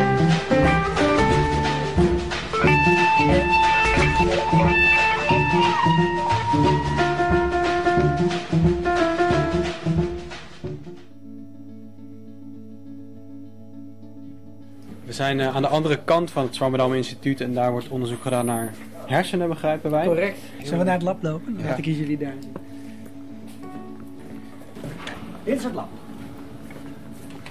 Dit is mijn hok. Wij eh, staan naast eh, een van onze vaste columnisten, Sikko de Knecht. Hij zit voor een gigantisch eh, ja, robotmicroscoop. Was het maar een robotmicroscoop, jongens, want dan hoefde ik zelf niks te doen. Het is een opstelling met een, eh, inderdaad een microscoop. Op te kunnen kijken naar je preparaat. Dus het kan van alles zijn, een paar cellen in een bakje of iets anders. En die moet ik in beeld kunnen brengen natuurlijk. Dus dat is de hele grote toeter die je hierboven ziet opdoemen. Er zit een hele grote lens in de bovenkant. Ja, nou, hier bovenop zit een camera. En die camera die kan eh, een heel mooi spectrum van infrarood kan die zien. Dus je kunt eh, met een hele lange golflengte kun je heel diep in weefsel bijvoorbeeld kijken. Of in heel erg specifiek naar een, eh, een hele cel, hoe die eruit ziet. En dat heb je nodig omdat je met eh, de elektrodes die hier aan de zijkant zitten, op deze robotarmpjes inderdaad. Dat zijn gewoon hele zorgvuldige manipulatoren. Die kunnen met 1 micrometer afstand stapjes kunnen ze ergens naartoe bewegen. Kun je een, zogenaamd een cel aanprikken, zoals we dat noemen. Ah, dus het zijn een soort van mechanische vingers en daarmee zit jij in cellen te prikken? Ja, dus als eh, neurobioloog, of ben je dan ele- elektrofysioloog zoals dat heet, ben je in principe bezig met het eh, meten van hele kleine stroompjes in hele kleine cellen. En daarvoor heb je hele grote apparaten nodig. Als je in één zin moet uitleggen waar je nou naar op zoek bent. Ik wil weten wat bepaalde populaties voor een invloed hebben op andere populaties zenuwcellen. Want het is misschien wel een grote bak met, eh, met eh, cellen in je brein van 40 miljard of meer. Alleen die hebben wel allemaal hun eigen specifieke doelgebied. Hè, waar ze naartoe projecteren, wie ze aan of uitzetten en ook op welke manier ze met elkaar interacteren. Maar daar weten we relatief weinig over. Waar kijk jij nu naar in vergelijking met hem? Nou, ik denk dat er een groot verschil is tussen Jan Swammerdam en de wetenschapper van tegenwoordig. Want hij had natuurlijk eh, wel een microscoopje en eh, een hele brede interesse. En hij kon in zekere zin alles eens een keer onder die microscoop leggen. Dus hij pakte gewoon heel veel dingen en ging ze bestuderen en proberen uit te fozen hoe het nou zat. Maar voornamelijk observationeel. Dus kijken, gewoon beschrijven, nog niet heel veel echt toetsen. En wij zijn in de loop van de decennia en van de eeuwen zijn we tot een situatie gekomen waarin je eerst zo'n briljant iemand als Jan Swammerdam had die heel breed kon kijken en heel veel nieuwe dingen kon ontdekken. Naar een situatie waarin er heel erg veel mensen bezig zijn met hele specifieke vragen. En dat ook allemaal met elkaar samen moeten doen. En we hebben in de loop van de eeuwen ook veel meer kracht en macht gekregen over de natuur. Om het even heel eh, goddeloos te zeggen. En dat is wel echt een heel ander kanaal, een heel andere manier van werken dan eh, in die eeuw waarin eh, iedereen zijn eigen ja, genie kon wezen. En welkom terug bij Radio Swammerdam. We zijn nog steeds bezig met de jubileumuitzending, want we zijn dit jaar vijf jaar geworden. En we hadden net eh, al oprichters aan tafel en u luisterde net naar een item, want ik, Lieve Heremans, het samen heb gemaakt met Luc X. We waren op het eh, Swammerdam Instituut for Life Sciences. Dat is een eh, instituut dat huisvest op het Science Park, is onderdeel van de UvA. En daar doen ze onderzoek naar planten, hersenen en eh, andere levensbiologie. En eh, we hebben een nieuwe gast aan tafel die ook heel veel weet over microscopen. Ja, en ik, en ik zat eens naar die reportage te luisteren. Eh, eh, u weet ook heel veel over de macht die wij hebben om, eh, om de natuur te manipuleren. Aan tafel hebben we Marjolein van Egmond. Zij is eh, hoogleraar oncologie en ontsteking bij het VU Medisch Centrum. Welkom. Goedemorgen. Goedemorgen. Ehm, u doet onderzoek naar het afweersysteem en met name het afweersysteem in de darmen. Ja, Klopt dat? En u heeft daarvoor een, een Veni, een Vici en nee, Veni, Vidi en Vici eh, beurs gekregen. Drie, dat zijn er veel. Ja, nou het is ook een heel eh, belangrijk onderzoek wat, wat u doet. Maar laten we het eerst even hebben over de gloednieuwe microscoop die eh, jullie in het lab hebben staan. Dat is een sonische eh, microscoop. Wat, kunt u met die microscoop? Ja, ik wil eerst even zeggen dat het een misverstand is dat iemand die met heel veel met microscopen werkt ook direct begrijpt hoe ze, hoe ze Aha. werken. Want eh microscopen het is toch vooral gebaseerd op licht en golflengtes en eh, lenzen. En dan zit je toch veel meer aan natuurkundige te denken. Mhm. Bovendien, de hedendaagse microscopen zijn zo vreselijk ingewikkeld. Die zijn ook allemaal computergestuurd. Dus daar heb je ook eigenlijk computerprogrammeurs voor nodig. Dus eh, dat is echt een hele andere tak van sport dan het gebruiken en kijken hoe cellen zich gedragen. Wat het bijzondere is aan deze microscoop, het is ook dus niet echt een nieuwe microscoop. Maar je moet je eigenlijk voorstellen, stel dat je al een hele mooie computer hebt en je zet er vervolgens een webcam op, dan kan je er nog meer mee. En dat is dus met deze microscoop ook zo. Dus het is een fantastische microscoop die alles kan wat andere microscopen ook kunnen. Maar hij kan nog iets extra's. Namelijk, hij kan superresolutie. Dat betekent dat hij eh, veel kleinere details zichtbaar kan maken dan de, de microscopen die we tot nu toe hebben gebruikt. Dus dan kan je eigenlijk veel nauwkeuriger nog zien wat er nou precies plaatsvindt aan processen in een cel. En eh, ja, dat kon voorheen nog niet. En hoe lang geleden spreken we dan? Want die Swammerdam die was uit de 17e eeuw. Ik denk niet dat we in dezelfde orde van grootte moeten praten. Je bedoelt met voorgaande microscopen? Nee, dit, eh, nee dit zijn echt wel hele grote verschillen. En, en een van de grootste verschillen is, want op zich konden we al eh, naar hele kleine details kijken. Maar dat kon met een ander type microscoop. En daarvoor had je, eh, heb je, zeg maar, is het eh, materiaal niet levend. Dus dan moet je hele dunne plakjes maken van je materiaal. En daar, ja, stoot je dan een elektronenbom op af. En dan kan je heel kleine details zien. Maar dan, dat is een statisch iets. Dus je kunt alleen maar een soort foto maken. En dan zie je dingen en dan kan je vervolgens gaan interpreteren wat je denkt dat het betekent. Maar deze nieuwe microscoop kan dat met levende cellen. En dan kan je namelijk gewoon zien wat er gebeurt. En dat maakt de interpretatie een stuk eenvoudiger. Dus je kunt nu... Eerst kon je alleen kijken naar ehm, hoe cellen met cellen reageren als ze levend waren. Of wat er binnen een cel gebeurt, maar dan, dan moesten ze dood zijn. Ja. En nu kunt u kijken naar wat er binnen een cel gebeurt terwijl het leeft. Ja, maar we kunnen ook dus wel kijken dus wat, wat er tussen cellen gebeurt, maar dan veel kleiner. Dus wat, wat we dus hebben gezien met die elektronenmicroscoop is dat cellen, bijvoorbeeld ook kankercellen, die scheiden hele kleine blaasjes uit. En daar zitten allerlei eiwitten in. Dus wij denken dat dat iets te maken heeft met communicatie. Maar ja, dan is de vraag met wie communiceren ze dan? Communiceren kankercellen met elkaar of met het immuunsysteem? Eh, communiceren immuuncellen met elkaar? Um, maar dat, dat kon je alleen maar, je kon alleen maar zien, die blaasjes waren er. En, en dat was het dan. En dan kan je vervolgens gaan bedenken, nou ja, ik denk dus dat dat communicatie is. Maar nu kan je gewoon die blaasjes echt in een levende cel zien ontstaan. Je kan zien waar ze heen gaan. Je kan zien of andere cellen daarop reageren. En dat kon voorheen gewoon niet. Wauw, en dat zal, dat zal waarschijnlijk echt enorm helpen voor, voor het onderzoek waar, waar u mee bezig bent. Ja, ja want uh, biologische processen, dat is vaak gewoon een soort black box. Hè? Ook, ook als je een ziekte hebt, er is een voorsituatie en dan geef je misschien een behandeling en dan is er een na-situatie en dan is er iets gebeurd. En dan denk je van, nou ja, wat is er dan gebeurd? Dan ga je weer nou, daarover nadenken en dat interpreteren. Maar met behulp van microscopie kan je gewoon kijken wat er gebeurt. En dat maakt het heel veel eenvoudiger om dan vervolgens ook op een soort rationele manier te bedenken hoe je dan bepaalde processen kunt remmen of juist verbeteren. En op die manier ook nieuwe medicijnen kunt proberen te bedenken. Ja, je moet gewoon een, een microscoop, je moet gewoon zien uiteindelijk wat er, wat er gebeurt. He, heeft u enig idee wat uh, Jan Swammerdam voor microscoop gebruikte? Ja, nou dat was een, uh, heel een, een, eenvoudige microscoop. Op zich is het nog steeds wel de basis van wat wij nu gebruiken hoor. Want dat heeft allemaal te maken met licht en met lenzen. En dat doen we nu ook nog steeds. Alleen we hebben nu veel betere lenzen. En we kunnen het licht beter sturen. Kijk, hij had natuurlijk, kon alleen maar gebruik maken van daglicht. En, eh, hè, want kaarslicht, nou, daar kan je denk ik niet echt goed bij Ze uh, hadden nog geen doen. elektriciteit toen. Nee, dus het was, eh, je, had- je had dus maar heel beperkt licht. En hoe meer je gaat vergroten, ja, hoe meer licht je nodig hebt. En als je dus maar heel beperkt licht hebt, het daglicht, dan kan je het dus maar tot op een zekere hoogte vergroten. En dat geldt ook voor de lenzen. Ja, die waren natuurlijk nog niet zo goed als wat we nu hebben.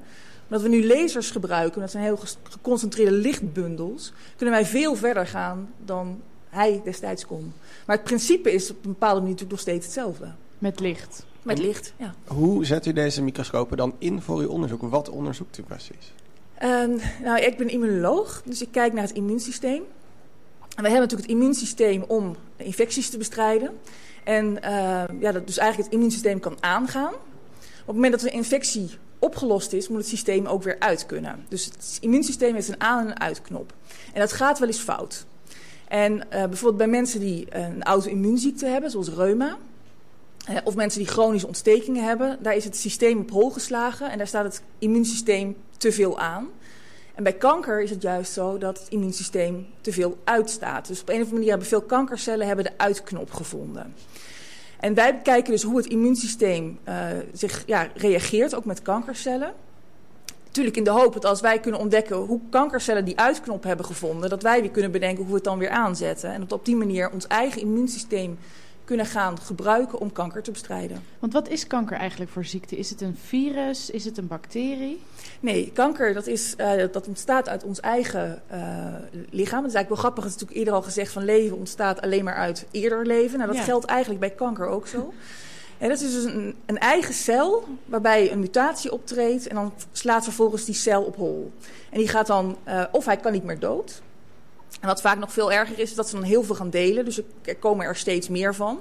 En dat neemt op een gegeven moment de ruimte in beslag van onze normale organen. En dan, ja, daar, kan je natuurlijk heel erg ziek van worden. Dus eigenlijk is het een soort, eh, ja, een soort normale cel die een tik in zijn, eh, in zijn hoofd heeft. Of in zijn... Ja, ja nou, cellen cel. denken natuurlijk niet echt. Ze praten er wel zo over. Maar eh, nee, het is inderdaad van, het is dus een, een, een cel van onszelf die op hol is geslagen. En die dus ja, niet meer eh, in, ja, gecheckt eh, is en blijft delen. Maar dan lijkt het me problematisch als je wil zorgen dat het immuunsysteem hier, hier iets aan gaat doen. Want het zijn lichaams-eigen cellen. Je wil niet dat, het, dat je het immuunsysteem dusdanig manipuleert dat het het hele lichaam gaat opeten. Nee, dat is de moeilijkste balans waar wij mee te maken hebben. Eh, dus het immuunsysteem kan heel goed herkennen dat iets een bacterie is of een virus, maar heeft moeite om een kankercel te herkennen als vreemd. Dus ja, wij proberen dus trucs te bedenken dat dat wel gebeurt. Eh, Maar dan moet je dus heel erg uitkijken dat het dus niet doorslaat naar de andere kant. En dat dan het gezonde weefsel aangevallen gaat worden. Dus dat is een, een, een hele nauwe balans waar je op werkt. Hoe werkt zo'n afweersysteem eigenlijk? Wat voor, een, eh, wat voor actoren zijn daarbij betrokken? Ja, heel veel verschillende. Maar wij kijken vooral naar antilichamen. Dus antilichamen zijn eiwitten en die maken bijvoorbeeld bacteriën en virussen gewoon lekker voor het immuunsysteem. Nou, die maken wij zelf. Maar tegenwoordig kan je in het laboratorium ook dit soort antilichamen maken tegen kankercellen. En als je die dan aan patiënten geeft, dan eigenlijk maak je zo'n kankercel lekker voor het immuunsysteem. En dan eh, hoop je dat het immuunsysteem daar dan iets mee gaat doen en dat zo'n kankercel gaat opeten. En het immuunsysteem zijn de witte bloedlichaampjes. Ja. ja. En een antilichaam zorgt ervoor dat een wit bloedlichaampje gekoppeld wordt aan een kankercel, een bacterie, een virus. Ja. ja. Datgene wat, Ja. we, wat we niet willen hebben. Ehm Lief, heb jij nog een vraag? Nou, klopt het dan dat het, auto of het immuunsysteem ook kankercellen kan aanvallen? Dus wel kan in de kiem kan smoren? Ja, Tot op zekere ja. hoogte? en eh, dat, is, dat is maar als je dan toch hebt over dingen die we heel graag zouden willen bewijzen, maar Mhm. die enorm moeilijk te bewijzen zijn, dan, dan is een van die theorieën dat eh, wij allemaal, zoals wij hier zitten, allemaal kankercellen in ons lichaam hebben. Maar dat in het meeste gevallen ons immuunsysteem daar prima eh, mee aan de slag kan en dat gewoon direct verwijdert. En alleen als er dus een kankercel ontstaat die het immuunsysteem weet te ontwijken, dan ontstaat er echt kanker. Dus ja, het immuunsysteem is in wezen heel goed ge- geschikt om kankercellen op te ruimen. Aha, en kunnen we dat immuunsysteem aan de hand van de microscopen dan ook verbeteren? Ja, ja eh, nou, we kunnen misschien niet het immuunsysteem verbeteren, maar wat we, eh, er zijn verschillende soorten eh, immuuncellen. Wat wij bijvoorbeeld hebben ontdekt, is dat wij altijd dachten van dat het, eh, type A was die die kankercel doodmaakte. En dan kan je denken van nou, dan gaan we therapie bedenken om type A te gaan stimuleren. Maar met behulp van die microscoop hebben we gezien dat het eigenlijk veel meer type B is geweest. Dus een heel ander type immuuncel. En dan denk je van nou ja, dan moet je eigenlijk iets heel anders bedenken. Omdat je dus immuuncel B wil stimuleren. En niet zozeer A. En dat kan je dus met een microscoop zien. Want dan zie je namelijk wat er gebeurt. En jullie zijn in het lab dan die antilichamen aan het ontwikkelen die kunnen reageren op kankercellen. Nou, ik moet heel eerlijk zeggen, dat doe ik niet zelf. Dat doe ik samen met een collega van Sanqui. Dus die, die maakt eigenlijk alle antilichamen voor ons. En wij testen ze vervolgens. En dat doen jullie door te kijken hoe uh, de levende cellen reageren op de antilichamen. Ja, dus wij kijken inderdaad van uh, als je hè, wij kijken dan naar één type uh, witte bloedcel en dan, daar, die kweken we dan in het laboratorium en daar doen we dan kankercellen bij en die antilichamen en dan kijken we welke het beste werkt en hoe, hè, waar dan die immuuncellen het best op reageren en hoe die, dan de kankercellen het beste doodgaan. En hoe snel duurt zo'n reactie dan? Ik bedoel, duurt dat een, een, dag, een paar dagen voordat ja, alle matches elkaar gevonden hebben? Nee, het immuunsysteem is heel erg snel. Hangt ook een beetje af van de type immuuncel. Dus sommige zijn nog net iets sneller dan andere. Maar uh, sommige reageren echt al binnen een paar seconden. Dus dan moet je echt heel snel kijken. Uh, andere die, die zijn wat langzamer, dus dan is het een dag of twee dagen. Maar het mooie is, omdat dus alle microscopen tegenwoordig computergestuurd zijn, uh, hoef je daar ook niet meer twee dagen naar achter te zitten. Maar je kan gewoon ja, een programma maken waarin je zegt van ik wil dat een microscoop bijvoorbeeld om het kwartier een foto maakt. En dan doe ik dat twee dagen lang. En dan na afloop heb je dan een filmpje waarin je precies kunt zien wat er is gebeurd. Toch weer dan die filmpjes? Ja. Of de foto's? Ja, foto, ja maar foto's in de tijd. Dus je kan echt gewoon, ja, je krijgt echt bewegende beelden. Dus je kunt precies zien wat er gebeurt. Maar en uh, uh, je hebt ook uh, antilichamen die heel snel reageren, dus een paar seconden. Is er dan één iemand die de boel bij elkaar gooit en een ander iemand die naar de microscoop zit te kijken? Meestal wel, ja. Dus meestal is het zo dat een van mijn mensen die, die gooit alles bij elkaar en dan zet ik het snel in de microscoop en dan stel ik hem in. En, dan, en soms dan zie je al dat we eigenlijk net te laat zijn, want het ja. kost toch 30 seconden. En dan is soms het proces al op gang, omdat het echt zo snel kan gaan. Kun je ook al filmpjes maken? Nou ja, filmpjes moet je eigenlijk zien als zijnde van... Uh, uh, een filmpje is niet heel veel anders dan een serie foto's mm. achter elkaar. Ja, maar niet en... elk kwart, er zit er meestal niet een kwartier tussen. Nee, maar je, dat is het, je kunt hem dus programmeren. Dus als je weet hoe snel ongeveer cellen reageren... kan je ook zeggen van ik wil elke minuut een foto... of elke milliseconde een foto. Elke milliseconde, dat kan gewoon? Dat kan gewoon, ja. Wauw, ja. wat spannend. Ja. ja. En hebben we hier dan ook de Cure for Cancer... waar we altijd zo naastig naar op zoek zijn? Nou, dat is een hele lastige vraag. Uh, ik denk dat we er wel zeg maar, steeds dichterbij komen. Ja, ja. Dus uh, de, de, cure uh, zou ik nog niet durven zeggen. Voor een aantal dingen wel trouwens, maar kanker is een verzamelnaam. Hè? Dus de ene mm -hmm. kankersoort is beter te bestrijden dan de andere. Voor welke hebben we dan nu de, de cure gevonden? Of waar ben je aan het ja. werk? Ja, ik, ik werk aan dikke darmkanker. En ik denk dat ik daar uh, misschien voor een aantal mensen een cure gevonden zou kunnen hebben. Maar dat moeten we nu, dat, dat, we, dat hebben we dus in het laboratorium ontdekt. Mm -hmm. En dat gaan we nu uh, in patiënten uittesten. Wauw, volgens mij is het een primeur? Nee. Nou, je zult het wel vaker verteld hebben, denk ja. ik. Ik heb het wel vaker verteld, maar uh, niet, niet heel veel, niet voor de Nederlandse radio. Dus in zoverre is dat wel een primeur. Ik heb hey. het wel voor de Amerikaanse radio verteld. Ook dat nog in ja. deze jubileumuitzending van Radio Swammerdam. Ja, een primeur in, uh, in het onderzoek. Uh, ja, we hebben dus ook gloednieuwe muziek, rechtstreeks uit het schrijfproces, waar we nog eventjes naar gaan luisteren. Helene May gaat spelen Housewife in the Desert.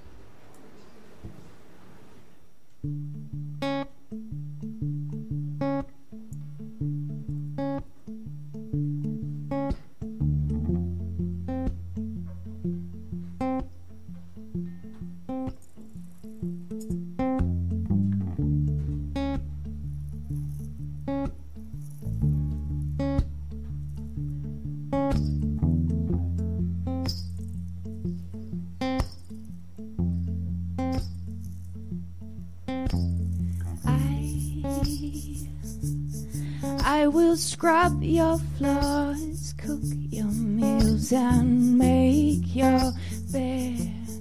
I will scrub your skin, buy your clothes, and make your bread. I will tuck you in, kiss you goodnight, do as you wish. I will be your perfect housewife. I was made to work for you, my dear. I'll wear the ring, my duty as your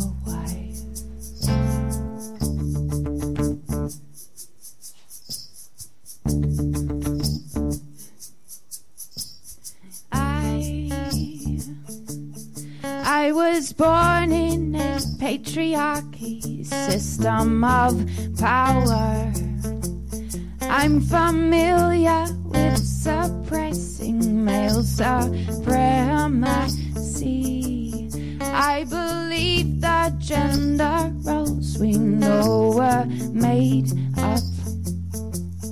In the Stone Age, we don't need them. I was made to work for you, my dear. I'll wear the ring.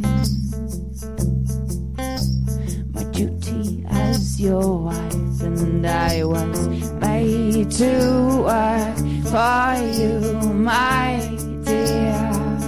I'll wear the ring. пути.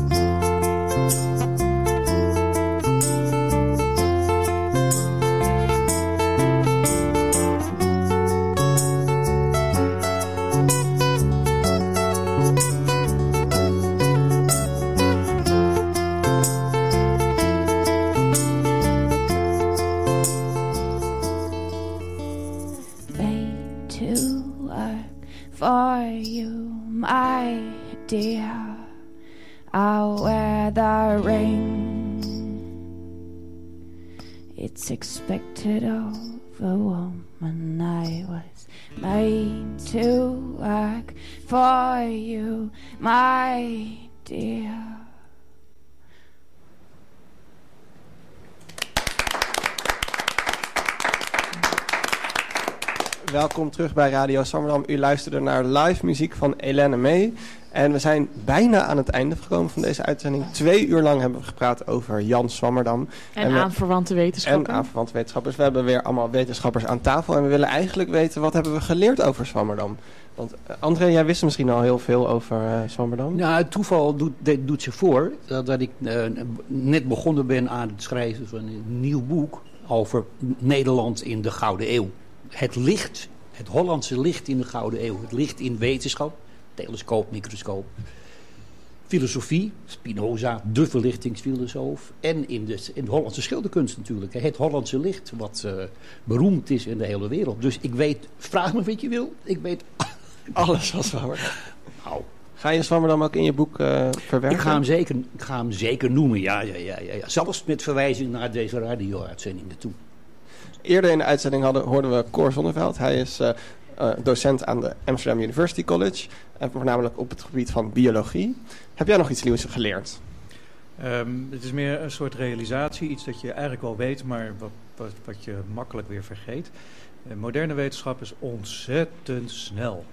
En iets wat meer dan vijf jaar geleden is, is bijna gedateerd, is bijna de prehistorie. En veel van onze studenten leren eigenlijk helemaal niets meer van voor 2000.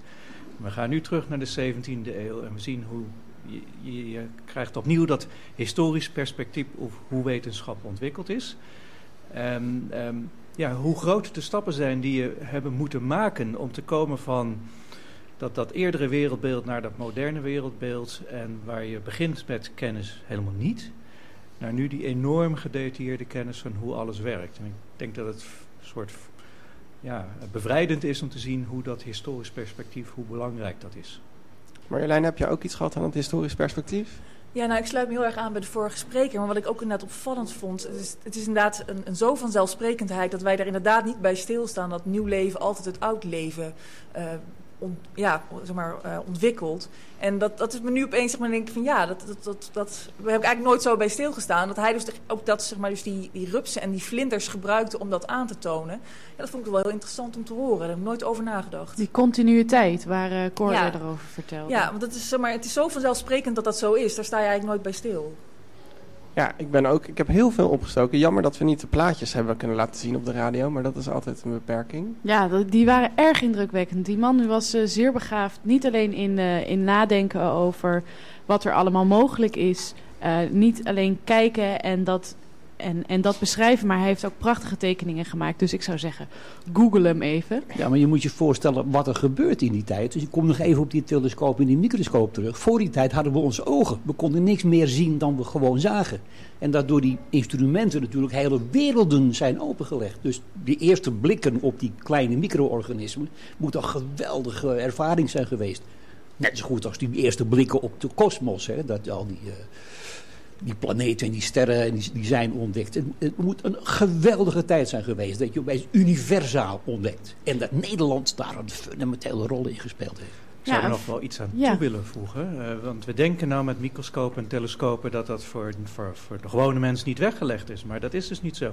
Als je een loepje, eh, een vergrootglas van 10 keer koopt, en dat heb je voor 10 euro, dan gaan er werelden voor je open. Ik doe dat met mijn studenten, ik neem ze naar buiten, ik laat ze de dingen zien door een vergrootglas en ze vallen om van verbazing. Kan ik iedereen heel erg aanraden. Want waar moet je dan naar kijken? Ik heb wel zo'n ding gehad voor mijn verjaardag, maar ik wist niet zo goed wat ik ermee aan moest. Je kijkt, eh, je pakt een plant en je gaat naar de, naar de bloemetjes kijken, naar het stengeltje. En je ziet dat die behaard is. En je ziet dat er structuren op zitten waarvan je helemaal niet vermoedde dat dat kon bestaan. Je pakt een mos, eh, het- alles wat je pakt, eh, zie je ongelooflijk. Daar gaat een wereld voor je open. eh, door gewoon maar met tien keer vergroting te kijken. Het is geweldig. Voor de telescopen geldt hetzelfde trouwens. Hè. Je kan hele eenvoudige telescopen, die richt je op de maan en je weet niet wat je ziet. Mag ik ook nog iets over zeggen? Want u zegt van dat moet destijds fantastisch geweest zijn. Maar Ja. het is nog steeds echt fantastisch. Ja, ja, ja, ja, ja En eh, wat het mooie is, wat wij dus inmiddels kunnen... Tegenwoordig kunnen we dat dus ook doen met levende cellen. Dan kan je zien hoe ze interacties met elkaar eh aangaan. Maar de eerste keer dat je dus een immuuncel een kankercel ziet opeten, live, is echt fantastisch. Live, live radio. Ja, live radio, live cellen. Wat ik ook leuk vond, is dat er toch nog dingen zijn die, waar zij in de 17e eeuw mee begonnen, waar we nu nog steeds mee bezig zijn. Dat vind ik echt wel cool om te, te merken. Wat voor dingen moet je aan denken? Nou, bijvoorbeeld dat kijken naar die nieuwe werelden en dat dat dus nooit, eh, ja, nooit uitontdekt is. Je kan altijd maar blijven kijken. Of houdt het een keer op, denken jullie? Nee, het houdt nooit op. Ehm, je, je probeert de, werk, de werkelijkheid om je heen te begrijpen. Je, je ontwikkelt daar modellen voor. En die modellen die passen tot op zekere hoogte. En dan krijg je door die modellen te gebruiken, zie je dingen die je dan niet begrijpt. En dat is weer een uitnodiging om verder te kijken naar wat je niet begrijpt. Ja, want Cor, ik kan me zo voorstellen dat, eh, dat die revolutionaire nieuwe dingen zien. ehm, eh, dat, je, dat je nieuwe informatie krijgt. Dat je dat proces dat we in de 16, 17e eeuw zijn gestart. Dat je dat ook ziet als studenten net beginnen met studeren. Absoluut. Als ik die, dat tien keer vergrootglas geef en ik laat kijken naar dingen, of, of een iets grotere microscoop, 40 keer je kijkt naar kleine diertjes uit de bodem, dan denk ik dat je bij studenten precies dezelfde verwondering ziet als die Zwammerdam heeft ervaren. Hebben jullie dat ook? Geven jullie nog les? Weet ik eigenlijk niet. Ik geef eh, vrij veel les, maar niet meer eh, dat, dat ik zelf met studenten dat ze daar naar kijken. Dus Geen dat zijn meer practica. grote colleges eh, Hm. die ik geef. Ja. Nou, ik had mijn eerste geweldige ervaring met het. Ik ben natuurlijk van huis uit scheikundige en ik heb gekeken naar kristallen. Dus kristalstructuren onder een microscoop. Je weet niet wat je ziet. De wonderenwereld van kristalstructuren. Zijn er eh, dingen van toen die nu heel anders zijn? Die, zeg maar de theorieën die toen gebruikt werden, die nu absoluut niet meer gebruikt werden? Nou, als ik denk aan die, aan die preformatie, kijk, die preformatietheorie eh, die sloot ook goed aan bij het denken toen over de oneindigheid en het oneindig kleine. En later er zijn twee dingen die, dat, ja, die fundamenteel daarmee, eh, die daarop dwars staan. Eh, dat is dat het leven opgebouwd is uit cellen en cellen een bepaalde omvang hebben. En dat materie bestaat uit atomen en dat je daaronder niet kan gaan. Eh, en ja, daar zie je dus een, een, een heel duidelijk verschil met eh, de tijd van Zwammerdam. Ja, en dan zijn we alweer eh aan het einde gekomen van deze... Lofuitzending over Jan Swammerdam. Ja. Volgens mij zijn we allemaal heel enthousiast over hem geworden. Ja, het was in ieder geval een eh, spannende tijd. En hebben we ontdekt dat we altijd door kunnen blijven gaan met dit radioprogramma. Want de wetenschap stopt nooit. Ja, dus ik zou zeggen op naar de volgende vijf jaar. Maar voor nu willen we graag bedanken iedereen die we aan tafel hadden. Dat is een hele lijst.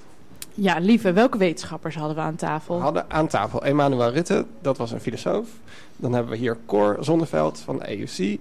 Marjolein van Egmond en die eh, onderzoekt dingen aan de VUMC. We hadden natuurlijk onze columnist André Kloekhoen. Daarbij hadden we ook nog een live band, geloof ik. Hoe heet Helene? May. Heel goed.